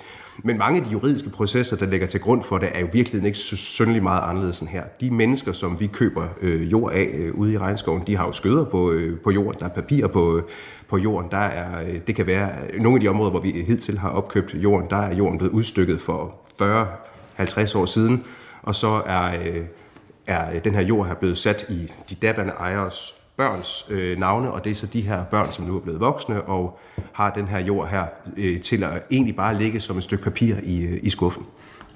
Og, Jeg går ud fra, fordi det er jo øh, store områder. Jeg har set nogle af de der billeder nede for Big Eye. Altså, ja. det, er sådan, det er sådan vidtstrakte, vilde naturområder. Man forestiller sig ikke, der er nok ikke så slået så mange ejendomsskælpæle ned, som man kan gå ud med og få en landmåler til at måle op. Eller, altså, hvordan fungerer det der? Der er landmåler og topografer og det hele. Der, er ikke, der er, står ikke pinde i øh, skæld og, og ting og sager, men der er jo GPS-punkter på, øh, på det hele. Så i forbindelse med alle landkøbsprocesserne, så har vi en topograf med ude og tage med sådan en højpræcision GPS og tage, øh, og tage punkter for at være sikker på, at der ikke er dobbelt ejendomsret og ting og sager. Så det er, på, det, det der vil jeg sige, det, det er egentlig på mange måder det samme som at købe et stykke, et lod jord øh, her i, øh, her i Danmark. Øh, okay, nu jeg bliver virkelig nysgerrig, fordi ejendomsretten har den så den samme sådan ligesom status. I Danmark der er den jo virkelig ukrænkelig, altså. Man må ikke, øh, man må ikke gå uden for stier og veje, for eksempel. Men det går ud fra, det, det, der er jo vel knap nok stier og veje i regnskoven. Så hvordan fungerer det? Må man godt gå hen over andre menneskers regnskovsparceller? Nej, det må man ikke. Og de, de tager det utrolig alvorligt. Jeg vil lige frem, jeg faktisk tror, jeg vil gå så langt som til at sige, at de tager det mere alvorligt end her i, øh, end her i Danmark. Der er jo en masse øh, historik, som betyder, at, at hvis der er et område, hvor der ikke har været noget opsyn, og der ikke har været nogen skiltning, og der ikke har været nogen, øh, nogen bevidsthed omkring, hvem der ejer et stykke jord, så kan folk finde på at vade frem og tilbage. Og der er også øh, elementer i den ekvadorianske lovgivning, som betyder, at hvis der nu er en sti, som er blevet benyttet igennem, lad os sige, 20 år, øh, og man kan øh, påvise, at den, er, øh, at den er blevet benyttet i løbet af, af så lang tid, så er der principielt en mulighed for, at folk de kan gå ind og sige, jamen det er nu per definition en offentlig sti, og så kan man som privat lodsejer faktisk ikke nægte folk øh, adgang den vej igennem. Men udover det, der er meget, øh, det bliver taget utroligt alvorligt.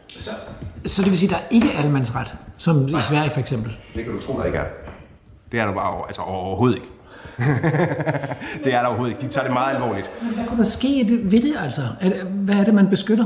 Altså, øh, er det bare sin krænkede stolthed, eller, eller ligger der værdier derude i regnskoven, som man sådan... Øh... Øh, jamen, jamen, det er jo sådan en, en, en både og. Der, er, der sker principielt ikke noget ved, at folk de bare væder ind igennem min have. Det gør der jo ikke. Min have tager ikke nødvendigvis skade af, at der går, lad os sige, 50 personer ind igennem min have hver dag.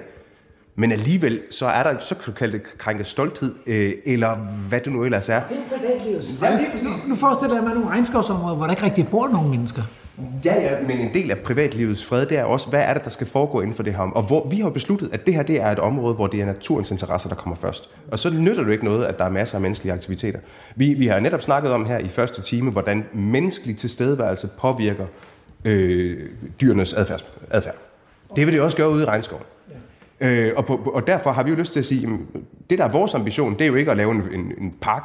Der er masser af steder, hvor folk de udfolder sig helt vildt øh, fantastisk, og, og der er, er, og der bør også være masser af områder, hvor folk de kan komme og besøge natur.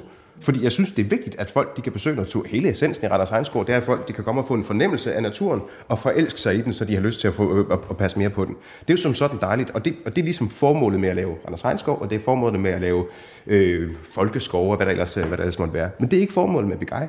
Formålet med Begej, det er at sige, nu er det naturen, der bestemmer. Nu er det naturen, der er prioriteten. Og så bliver vi jo nødt til at, at nægte mennesker adgang. Så selvom der principielt i citationstegn ikke sker noget ved det, jo, mm, men det gør der jo.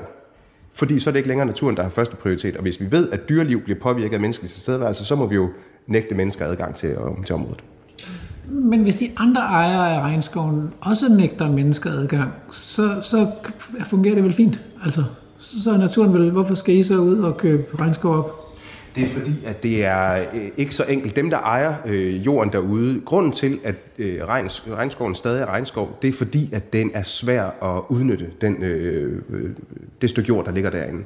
Fordi at der først for ganske nylig, her snakker vi i løbet af de sidste 10 år, er blevet åbnet noget, der minder om farbare veje på vejen derind. Så vil sige, at hvis du har tidligere har haft det her stykke papir til at ligge i skuffen, som siger, at jeg ejer et et stykke jord på, lad os sige, øh, 50-60 hektar, så tænker du, om det her det kan jeg bruge til at dyrke have mine køer på, jeg kan dyrke kaffe og kakao, eller hvad der ellers måtte være.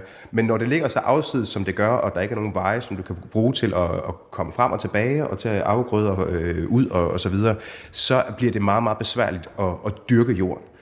Øh, og udover det, så er det være folk, som bare vil sige, som, så kan jeg slå to fluer med et smæk, jeg kan udnytte tømmeret, og så kan jeg have køer til at gå der bagefter. Og efterhånden, som tiden skrider frem, og øh, mennesker er virksomme, som mennesker har tendens til at være, så kommer vejene længere og længere frem, og så kan man altså se, se nogle luftfotos øh, over tid, hvordan øh, veje simpelthen åbner op for, øh, for ødelæggelse af, af regnskov. Så det du siger, det er egentlig bare, at ekvadorianere er ikke anderledes end danskere er flest. altså husk fordi... Nok, husk nok, så er mennesker, øh, har mennesker tendens til at være mennesker, uanset hvor man, øh, hvor man møder mennesker. Vi, er, øh, vi ønsker... Øh, vi kan være øh, super idealistiske alle sammen. Der er også ecuadorianere, der er super idealistiske, men, men, men vi er jo også interesserede i at have et godt og, og trygt liv for os selv og vores, øh, vores børn. De er jo ikke, der, på den måde er vi på ingen måde anderledes end, end dem. Okay, men, så, så vil jeg, men hvorfor Ecuador? Fordi man kunne så, der er jo mange lande i verden med fantastisk natur, hvor man kunne have købt. Er det fuldstændig tilfældigt, at det er blevet Ecuador, eller er der noget, der taler for Ecuador? Øh, der er masser, der taler for Ecuador, øh, og jeg kunne sagtens tale stolper op og stolper ned omkring, hvordan Ecuador er det land i verden, som, hvor man har registreret den højeste øh, biodiversitet inden for en relativt lille, øh, inden for en af de her øh, firkanter kvadrater på 110 gange 110 kvadrater. Der, der, er, der, er virkelig, der er virkelig noget, der er værd at passe på, men mest af alt er det tilfældigheder. Og øh, gunstige forhold, der er... Øh, øh, som, har, som vi har været heldige at, at, at ramme ind i. Der er nogle personlige forhold for mit vedkommende. Jeg har selv boet i Ecuador i en periode, der var, der var ung. Der boede jeg, jeg gik i 6. 7. og 8. klasse. Der boede jeg i, øh, i Ecuador øh, og har jeg taler sproget, har en fornemmelse for kulturen og ting og sager. Udover det, så er der nogle historiske forhold i forhold til, øh, hvordan vi kom i kontakt med det her øh, Kichwa-samfund, som vi begyndte at samarbejde med i 2004. Øh, Kichwa? Det er et, øh, en, en, en oprindelig befolkningsgruppe fra, øh, fra lavlandet i, øh, i Ecuadoriansk Amazonas. Ja. Men det må vel også betyde noget, at at, at der er en vis politisk stabilitet i landet? Fordi hvis, hvis, hvis man risikerer, at, at alt det, I nu har købt op, det bliver nationaliseret, eller så er investeringen jo væk med, i et splitsekund, ikke? Øh, Jo, jo, fuldstændig. Og, det, og der er jo der er mange steder i verden, hvor det ikke lader sig gøre øh, at gøre det, som vi, har, øh, som vi har gang i dernede. Hvor du faktisk ikke er i stand til at købe et stykke jord, og så få lov til at, øh, og så få lov til at bestemme over det længere. Så, så i den sammenhæng er der jo også et juridisk fundament for, at Ecuador fungerer. Men, og jeg vil gerne kunne sidde her og sige, det havde jeg gennemskuet for lang tid siden, og tænke at det er ikke tilfældet. Vi har været utrolig heldige at ramme, øh, at ramme et godt sted. Vi har været utrolig heldige og privilegerede at, at arbejde sammen med nogle meget, meget øh, dygtige og passionerede mennesker dernede, øh, og har, har, som både har været med til at starte øh, projektet op, øh, og som øh, kan være med til at sikre projektet øh, langt, ind i, langt ind i fremtiden. Så vi, altså, vi føler os utrolig, øh, utrolig godt stillet i, i de mennesker, vi har, vi har mødt. Fordi selvom det her det handler om naturen, så det, der skal gøre, at det øh, er stærkt ud, langt ud i en fremtid, det er, øh, det, det er mennesker omkring, øh, omkring naturen. Vi skal arbejde hårdt, også mennesker rundt omkring naturen, så den kan få lov til bare at få lov til at være natur. Okay, Sofie, det, er det, det det, du har meldt dig ind i det der. det, som jeg så sidder og fortæller om her, det er det, du har meldt dig ind i. Øh, men jeg kunne stadig godt altså, tænke mig at spørge, hvorfor, hvorfor egentlig? Der er et ret stort spring fra Danmark til Ecuador, ikke? og den der natur, som du så nu skal være med til at beskytte nede i Ecuador, den kan du jo ikke sådan lige gå ud og besøge. Altså, den ligger virkelig, virkelig på den, nærmest på den anden side af jorden. Mm. Øh, så hvor, hvordan, hvorfor giver det mening? Jeg synes, det giver, øh, giver mening, som vi snakkede om i den, i den første time. Det med, nu har jeg arbejdet øh, ret intens på at konvertere noget natur øh, her i Danmark med Kjellund Dyrehave. Øh, så det er mere et naturgenopretningsprojekt, jeg har haft gang i der. Og glæden ved at vide, at man faktisk også beskytter noget, noget natur, som er øh, autentisk, er lige præcis som det skal være. Den synes jeg er, er kæmpestor. Og som, for mig er det jo nok lidt det samme som masse, at det er Ecuador, det, det er jo så fordi, det var der øh, Randers Regnskov var, men og også den der, øh, den der lidt barnlige kærlighed til, eller fantasi om regnskoven, er jo også det, det, øhm, derfor det, det er det første, men jeg håber da, at, at Earthkeeper kan, være, kan ligesom få skabt de her brønde øh, verden over af, autentisk, af beskyttet autentisk natur, som kan, kan give, øh, give en positiv resonans i verden, og som kan, kan sørge for, at vi, vi, vi bevarer noget af det sårbare natur, vi har tilbage. Så hvis, hvis vi kommer igen og besøger dig om 10 år, så kan det godt være, at du har projekt et andet sted i verden også. Jeg håber, jeg har mange projekter alle mulige steder i verden. Ja.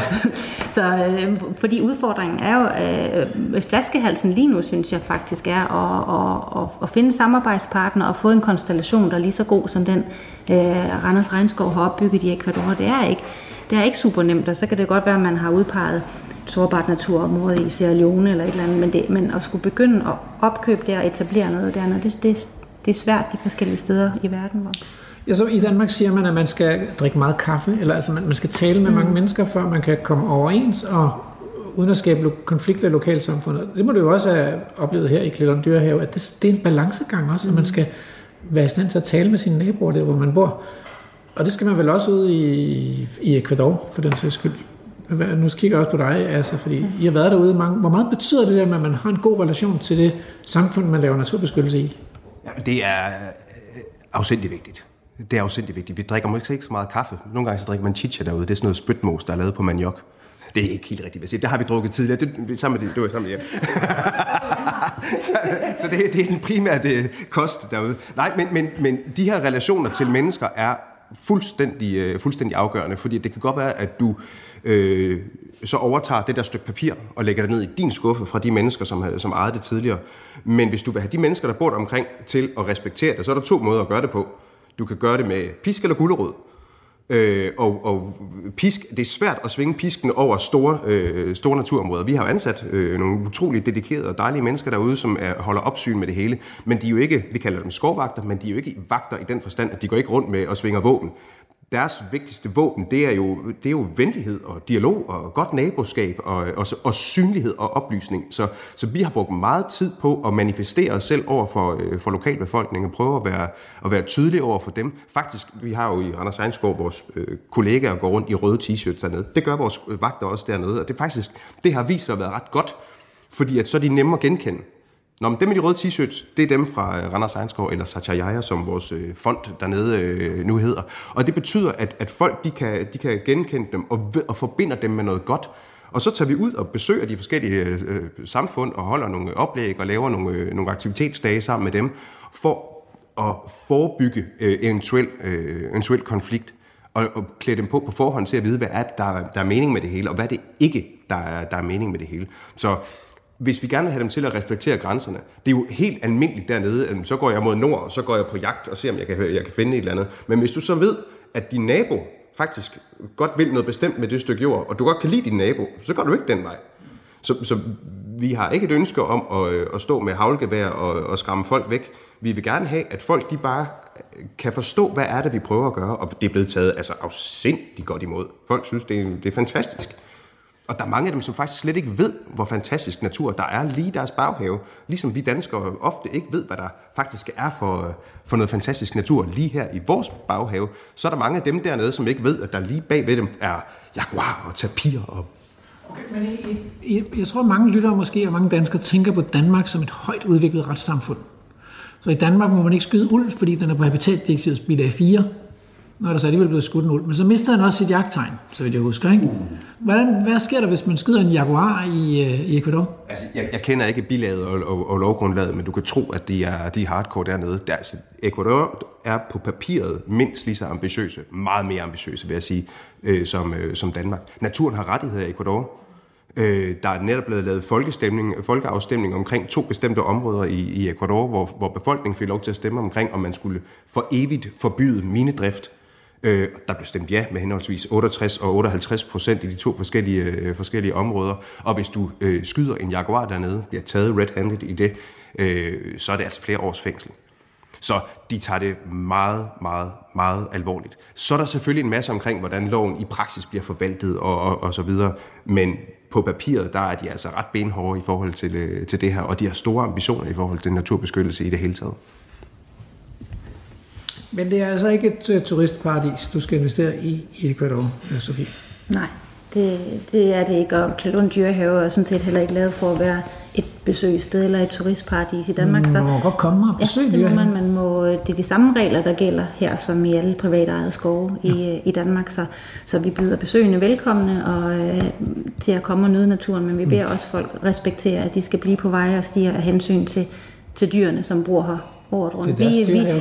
Vi, ja, det er deres dyrehave. Vi er gæsterne her, og, og vi laver natur for naturens skyld, ikke for vores, men, os menneskers skyld.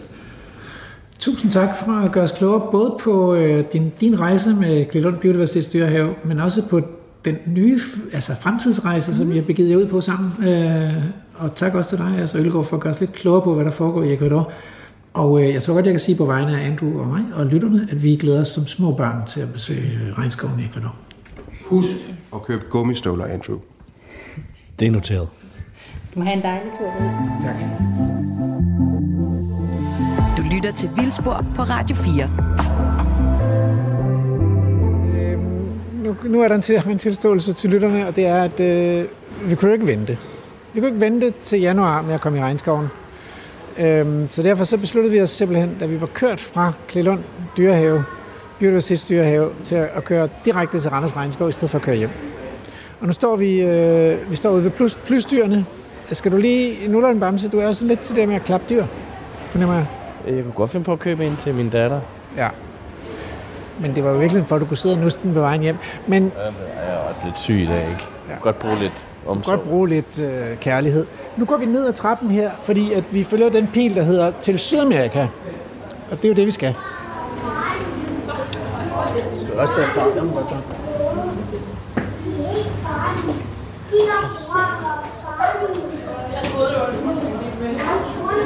Vi går igennem Nede ved fiskene. Vi er nede ved fiskene. Øh, der har vi jo været. Du har været i, på den blå planet. Så vi bruger ikke så meget tid her ved fiskene, tror jeg. Gør vi det? Nej, jeg ved heller ikke, hvor mange fisk vi kommer til at se. Det tror jeg ikke. Øh, nej. Men mindre vi kaster dig for piranjerne. Det vil også være en imponerende måde at, for at slutte sin karriere på Vildspor, hvor det er at blive et af piratfisk. Der er det lidt speciel lyd her. Hov, der fløj allerede en fugl forbi. Altså, øh, Jeg forstår godt, Sofie, ikke? Det her, det er en fed zoologisk have, fordi der er levende dyr herinde. Så. Er det en øh, papegøje, tror du? Ja, det, det tror jeg i hvert fald, ja. Jamen, nu er vi jo inde i den, Ja, og den prøv, altså, jeg ved jo ikke noget, vel, altså... Øh, vi er lige ved søkøerne, men det er ikke en søko, der svømmer forbi der. Det er en eller anden stor fisk. Det er lidt, det er Så står der, jo- står der jo der. Hvad står der på det skilt? Du er ved at lære spansk. Estación Científic, Científica Bigay. Så det må være en, en, en videnskabelig station af en art. Ja, det tror jeg også. Den videnskabelige station Bigay. Øh, og, der, og der kan man se, at man, øh, man har sine øh, gummistøvler hængende til tørre på det her stativ. Og så, og så ligger der en... så ligger der en, øh, en Jaguar sår derinde. Øh, den har valgt overkøjen, så jeg tror, jeg tager underkøjen, ja, når vi skal... Ja.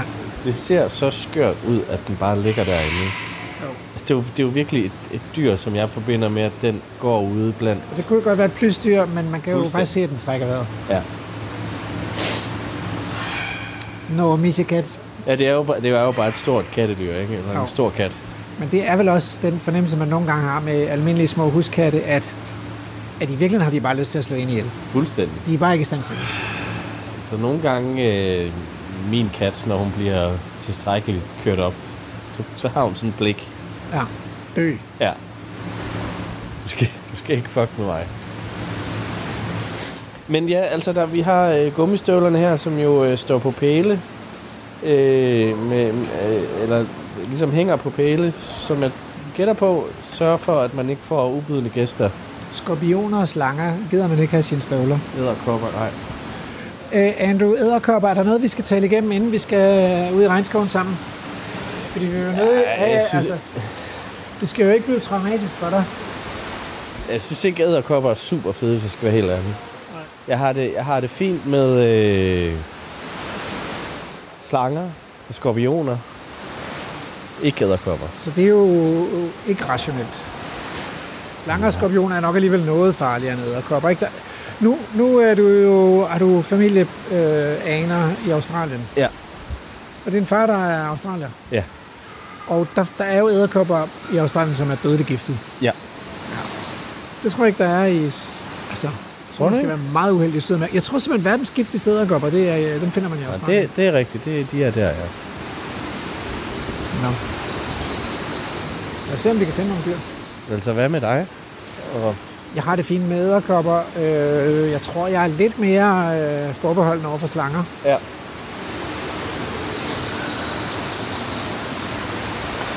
Øh, og skorpioner. Jeg ved ikke, hvordan jeg vil reagere på en skorpion. Jeg tror sgu aldrig, jeg har været i nærheden af en, øh, en, en skorpion ude i det vilde. Altså, jeg har set den i et terrarium, ikke?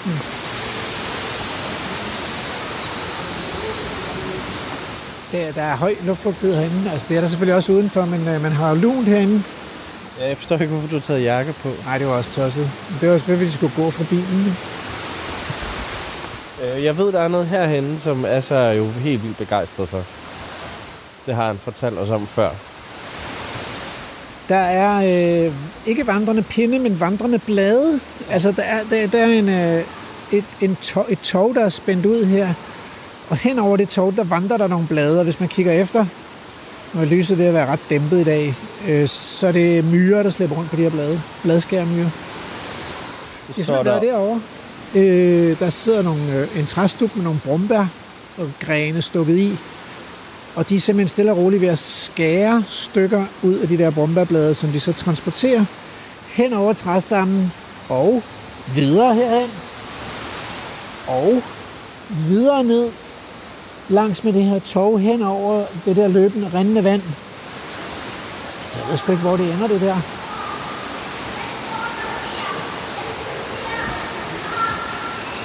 De ender herover, ikke? fordi øh, det så mm. vi også sidste gang. Så futter de ned øh, af den der træstamme. Der har de jo altså så allerede gået 20 meter langs med den her øh, langs med det her tovværk.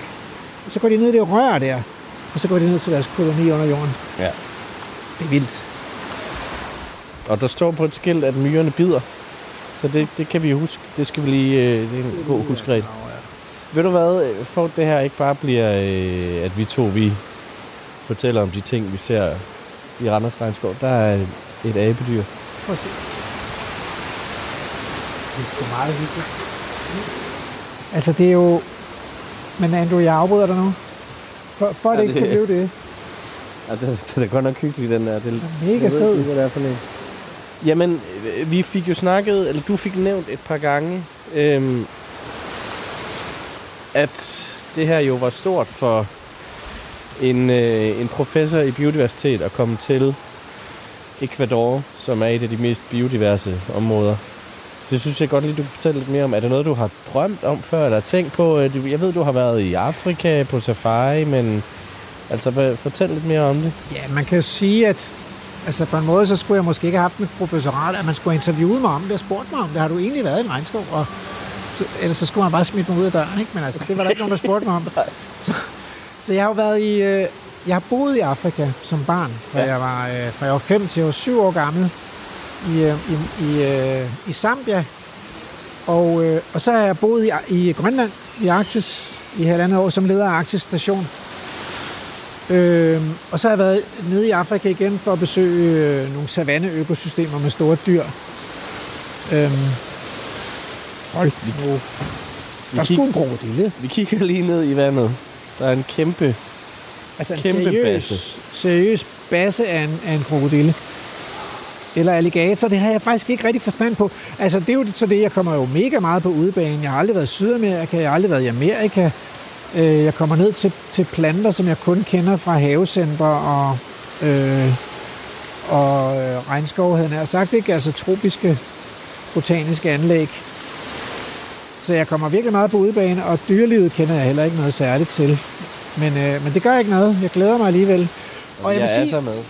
og vi er så med. Men selvfølgelig er det jo fascinerende. Det er jo faktisk, jeg har altid været fascineret af biodiversitet, mangfoldighed. Og det er faktisk sådan, at på lille skala, altså op til måske 10 eller 100 kvadratmeter, så er det mest planteartsrige økosystemer i verden, det er de her græslandsøkosystemer, som jeg jo selv har studeret i Danmark, og hvor man i Danmark godt kan være heldig at finde 60 arter af planter på 1 kvadratmeter. Og hvis man så tager til, øh, til Tjekkiet eller Rumænien eller Estland, så kan man være heldig at finde op til 80 arter på en kvadratmeter, måske lidt mere. Øh, og det samme gælder Argentina. Hvis man så kommer op på mere end, øh, end 100 kvadratmeter, så vinder regnskoven altid. Der ligger en lille, Der ligger en lille lille kat lisekat der. og sover oppe i træet. En magaikat. Leopardus vidi.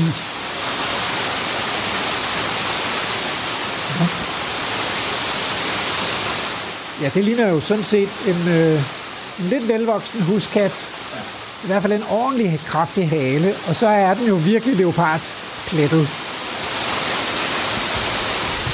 Smuk kat.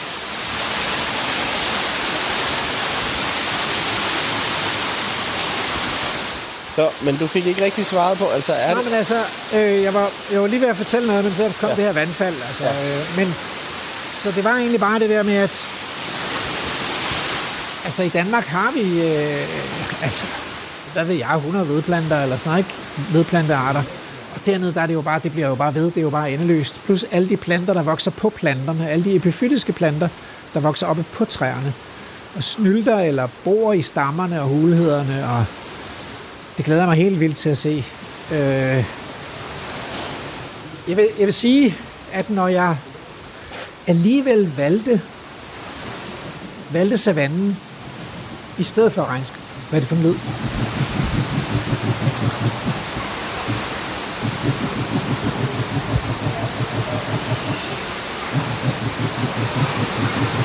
Jeg kan ikke sådan helt finde ud af, om det er menneske eller om det er dyr, vel? Nej. Altså, er det den der, der... Så det der ligner sådan noget myresluger eller hvad? Hov, den kommer der. Det var sådan en. Nej. Det er en myresluger, altså. Hvad i alverden er det for en dyr? Det må, de må have et, et skilt. Herovre. En hvidnæset næsebjørn. Prøv at se, der står den mystiske jungleprofessor. Det er jo mig. Nå, men det den mystiske... Der ligger jungleprofessor Ragnar Skovs hytte.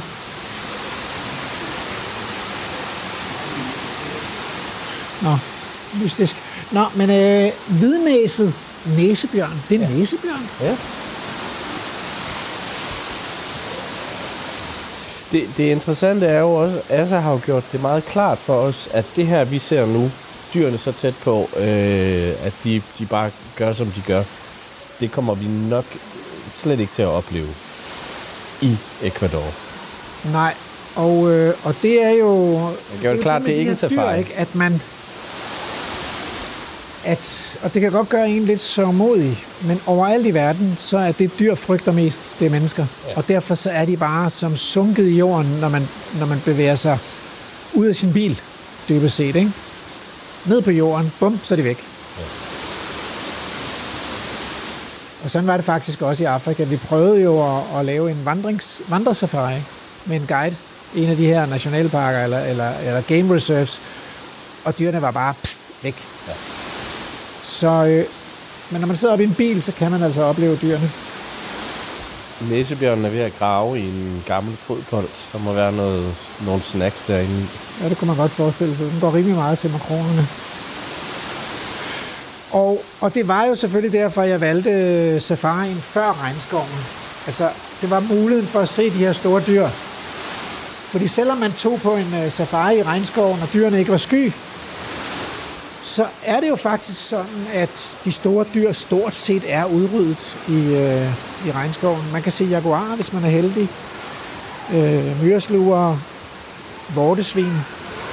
Men, øh, men det er jo slut med elefanter og kæmpe dogndyr i den sydamerikanske regnskov.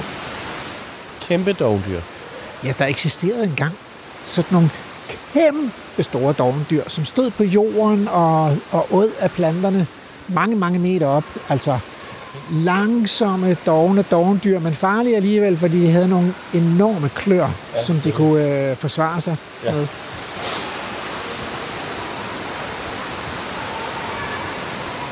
Ja, der har været flere arter af kæmpe dovendyr, og de har selvfølgelig været utrolig nemt bytte, fordi at de var så relativt langsomme. Ja.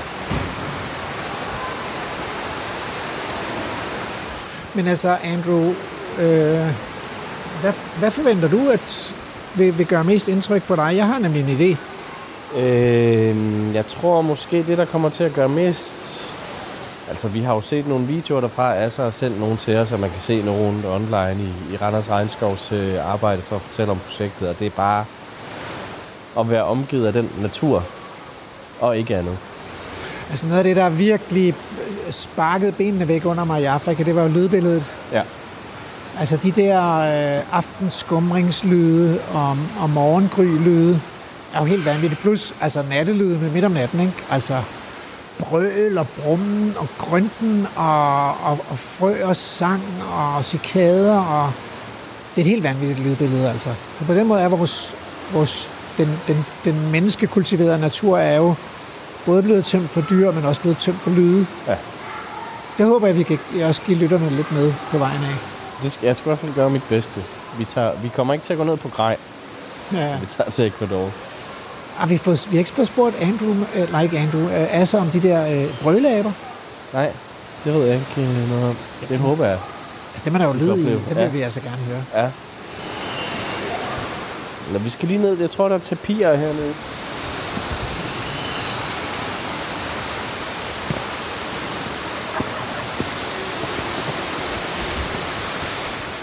Rasmus, nu har vi jo snakket om min, min æderkoppefobi. Er der egentlig noget, du er nervøs for? Ikke nødvendigvis dyr eller noget, men bare, er der et eller andet, som der... Øh, som du tænker meget over? Som bekymrer mig?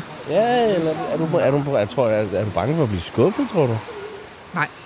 Nej, det er jeg ikke. Jeg, jeg, har jo set, jeg har jo set de der billeder, så bare det at komme ned i den der frodighed, øh, den, med det meget, meget sådan dybe tidsperspektiv også.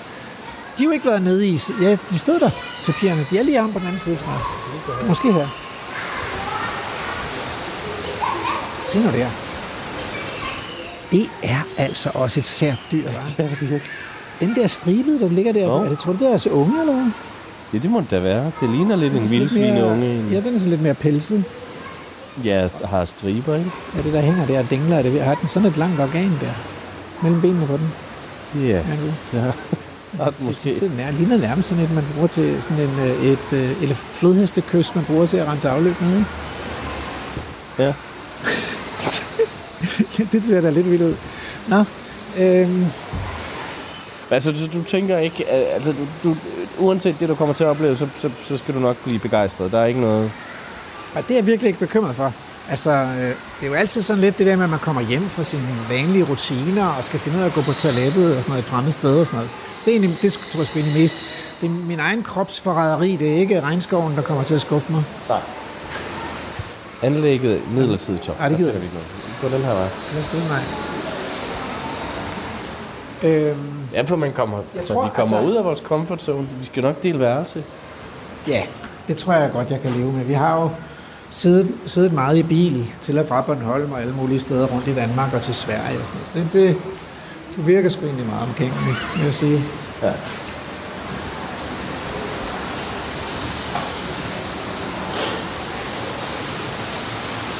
Skal du godt sige i lige måde. I lige måde. Der vokser sgu en svamp inde på den der stamme. Og så er det jo, man tænker lidt, fordi Sean fandt ja. jo faktisk en ny æderkop for videnskaben her, ikke? Sean Birkbeck Craig. Ja. Nu er den beskrevet og udgivet, så det er officielt. En ny æderkop for videnskaben. Det kunne godt være, at der var en ny svamp for videnskaben inde på den stamme der, men det er der nok ikke, for den er nok, det er nok bare en stamme fra Danmark. En lille abe deroppe. Og, og, og det er jo det så modige ved, ved, ved os mennesker, synes jeg, at vi ikke kan, altså, at, at dyrene er så bange for os, at vi ikke kan komme tæt på dem. Ja. Så jeg kan godt se, at det giver noget eksistensberettigelse til en zoologisk have her, hvor dyrene har vendt sig til, at øh, mennesker ikke... Øh, vi kommer med fred. Men det kunne man jo godt forestille sig, vil, altså at, at, det, at dyrene kan lige så stille afvende sig fra deres skræk for mennesker, hvis de oplever, at, øh, at vi giver dem fred. Ikke? Der går et par Altså, de virker ikke bange, de fugle jeg der. er ikke særlig bange, de der fugle. Der går sådan nogle, jeg ved sgu ikke rigtigt, hvad det er for en slags fugle egentlig. Det er jo ikke rigtig hønsefugle, men øh, hvis der er et eller andet, en eller anden krydsning af en hejer og en, øh, en perlehøne over dem. Øh, bæltedyrene er her ikke. Dem kan jeg ellers godt lide. Ja.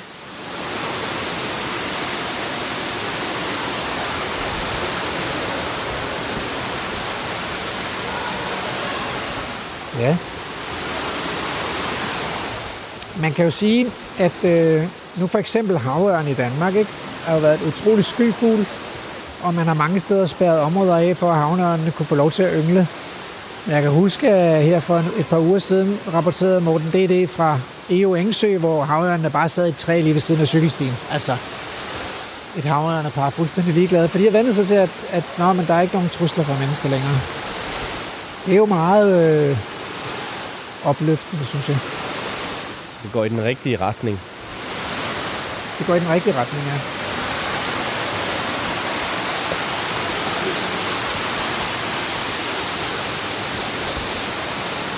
Meget fint med det her anlæg. Også det der med, at det er rundt, så mister man sådan lidt fornemmelsen af, hvor stort det er, om man har været her før eller ej. Og sådan. Nu går vi tilbage den samme vej. Ja.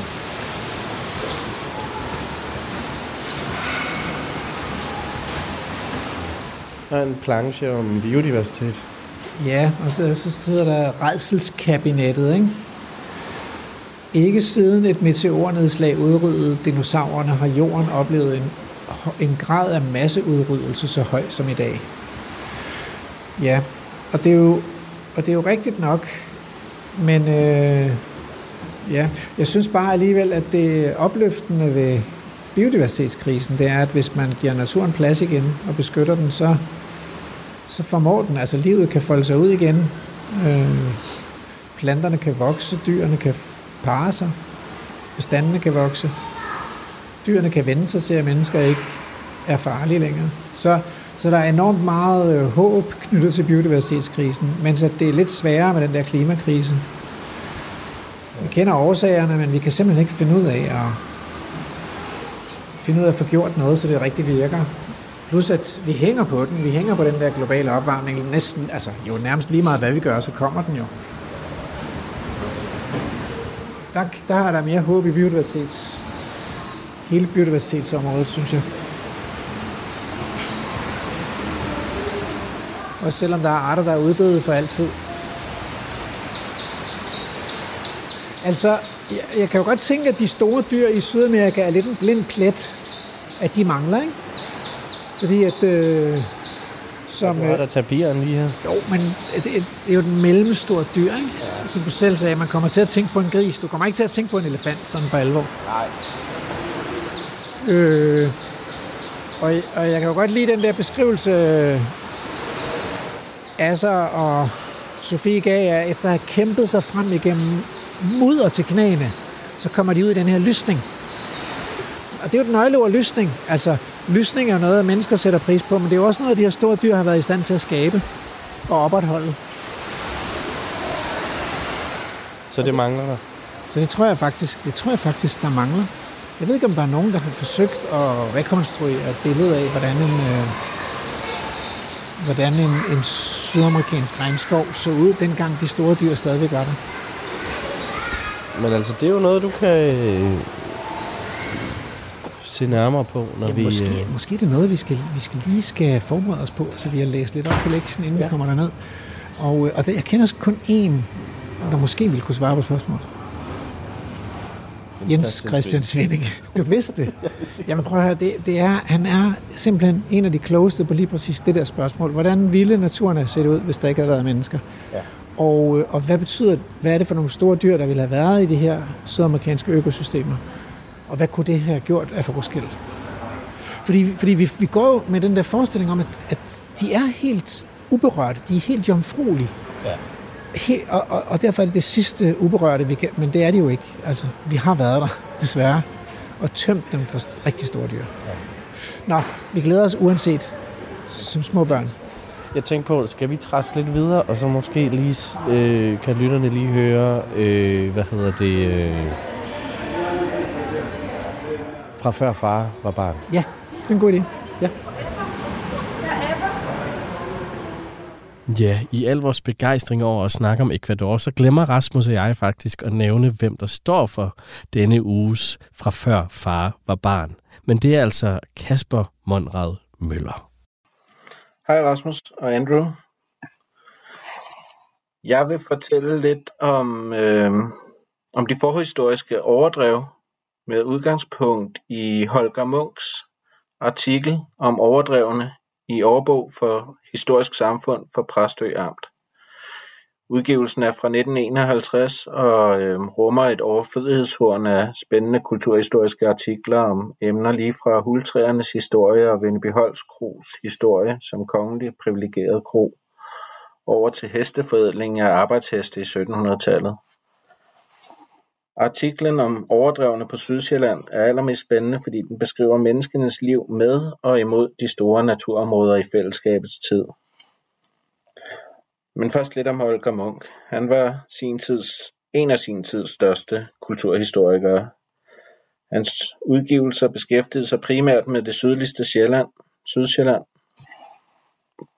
I artiklen om overdrevne besk- beskriver Holger Munk driften af overdrevne og livet for de mennesker, der arbejdede med overdrevne. Holger Munk fortæller om, hvordan flere hundrede ryttere engang i løbet af sommeren drev alle dyrene sammen, så de, kunne, så de fælles kunne tjekke, at ingen overskred deres part. Det kunne være svært at finde sine egne bæster efter, over, efter opholdet på overdrevne. De fleste kunne kendes på lød, trav og aftegn, men afkommet var sværere at kende og blive enige om. Og der var ofte mange, som stod tilbage, som ingen ville kendes ved. Indledningen til Holger Munks artikel vidner jo om, at husdyrene i fællesskabets tid også kunne sulte, selvom de var i stallen om vinteren. Langt op i tiden var forårshunger et reelt fænomen, også for mange mennesker var det knapt med føden. Holger Munk skriver, Græsningen var tidligere, ligesom nu, nerven i alt husdyrhold. Ja, endnu under datidens driftform er endnu mere afgørende betydning, end den blev efter kobbelbrudets indførelse og den forøgede kornproduktion. Fra tidligste forår til sent efterår var græs og løv ene eller så godt som ene foder for gårdens husdyr er stort og småt fra heste til svin og gæs. I græsningstiden skulle de indhente, hvad der var sat til i huld og sundhed og opbygge et forråd til at stå kommende vinters kulde og smalkost igennem. I bedste tilfælde ventede dem et ringe foder af hø og halm, i værste tilfælde tækkehalmen fra udhustaget eller sultedøden. Intet under græsningsretten af alt levende rundt om på gårdene mødtes som en befrielse. Et halvt år eller mere frem var livet atter sikret, for hvad der var overfødt, og en lang sommer på fældet og overdrev kunne bringe alt på fod. Overdrevene gjorde skæld imellem byerne, men det samlede også byerne i et stort fællesskab. De var ingenmandsland, og de var alles land. Ingen kendte sin part, men alle vidste, hvor stor den var i antal høveder.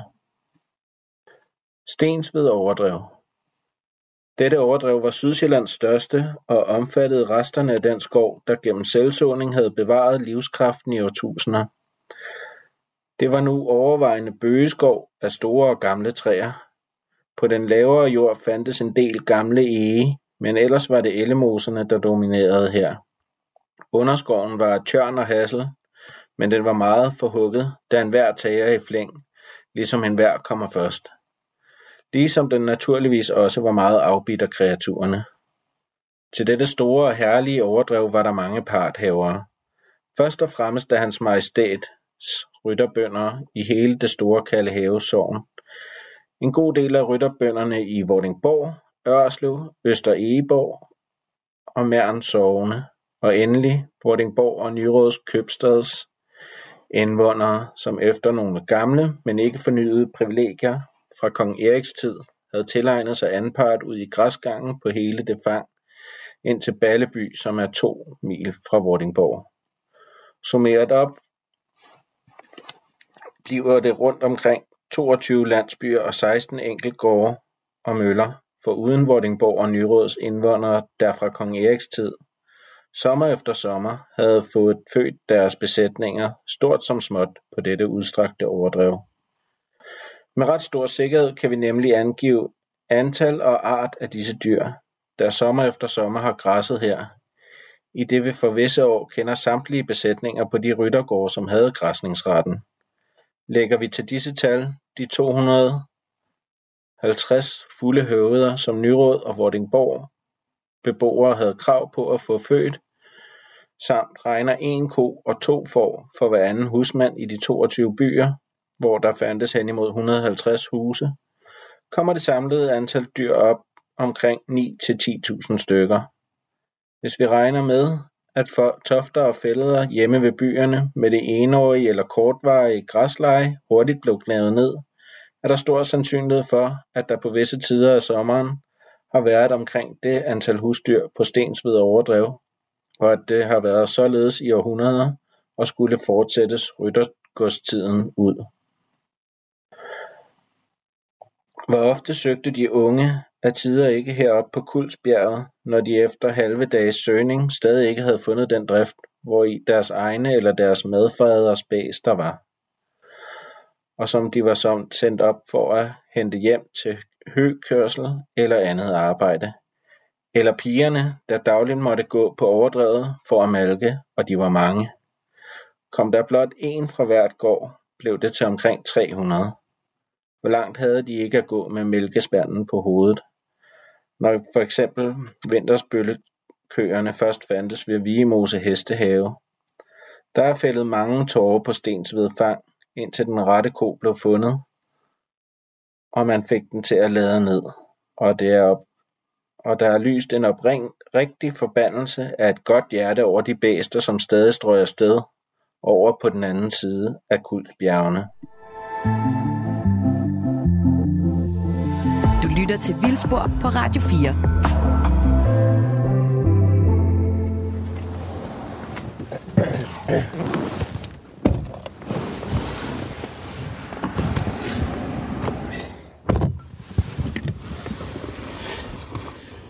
Fuck, giv den bare gas, for fanden altså.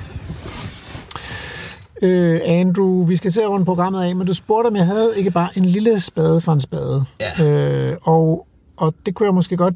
Det bliver, jeg kommer til at improvisere det, så øh, uden forberedelse vil jeg sige, at øh, det er jo rigtigt, der er en biodiversitetskrise.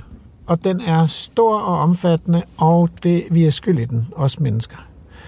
Jeg tror bare ikke, at man kan finde en eneste en eneste rationel grund til, at vi skal løse den her biodiversitetskrise. Det er simpelthen ikke. Vi behøver ikke biodiversiteten. Det er faktisk vores nyttiggørelse af naturen, som er årsagen til biodiversitetskrisen. Så at arterne forsvinder om ørerne på os, det, det truer ikke vores øh, overlevelse, vores materielle levestandard osv. Det, det eneste, som det tror, det er egentlig livet som noget helligt. Altså. Så jeg tror, der, der tænker jeg, at Sofie på en eller anden måde viser vejen ved, at hun lægger ikke skjul på, at, at det, der får hende til at beskytte naturen og til at prioritere sine midler på at, at beskytte naturen, det er kærlighed. Det er ligesom det eneste, der tæller. Det er den der oplevelse af at blive forbundet med naturen dybt indeni. Øh, det er ikke fordi, hun er bange for at dø af mangel på biodiversitet. I hvert fald ikke materielt. Så det var dagens øh, spade for en spade. Det drejer sig simpelthen om kærlighed. Øhm, og så, vil, så er tiden bare kommet til at takke Sofie Kirk Christiansen for, at vi måtte komme på besøg og vil fortælle os om øh, biodiversiteten i Klilund, men også om planerne om at beskytte naturen i Ecuador. Og tak til øh, Asser Ølgaard for, at han ville være med øh, på turen, og også at han inviteret os til, til at besøge deres sted nede i Bigay. Øhm, tak til dig for, at du trodsede din forkølelse og novemberlorteværet og dit elendige fodtøj, ja. Og alligevel var med øh, på dagens øh, tur rundt i Klitholm Dyrehave. Selv tak. Andrew. Selv tak. så du må tage dig en, en fridag. Og så tror jeg, så, så er tiden jo kommet til øh, ugens haiku, som øh, lyder sådan her. Gråulves fristed. Jaguars grønne hjem. Ubetinget liv. Programmet er produceret af Videnslyd for Radio 4.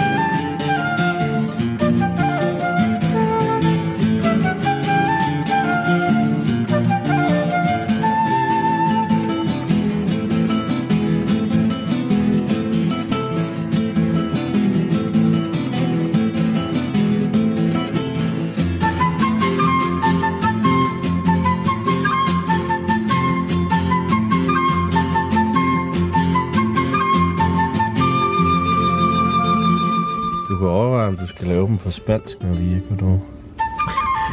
Ja, øh, det kan jeg lige, vi kan se lige, hvor langt jeg kommer med Duolingo. Vi, øh, mig og Duolingo, ikke? Altså, yo soy un hombre.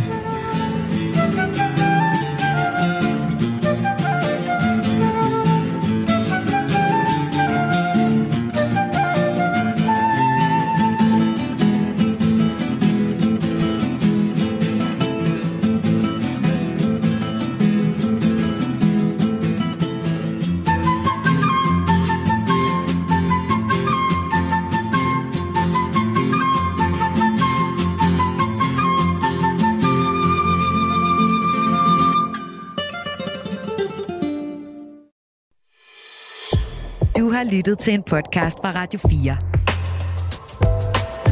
Find flere episoder i vores app, eller der, hvor du lytter til podcast. Radio 4. Ikke så forudsigeligt.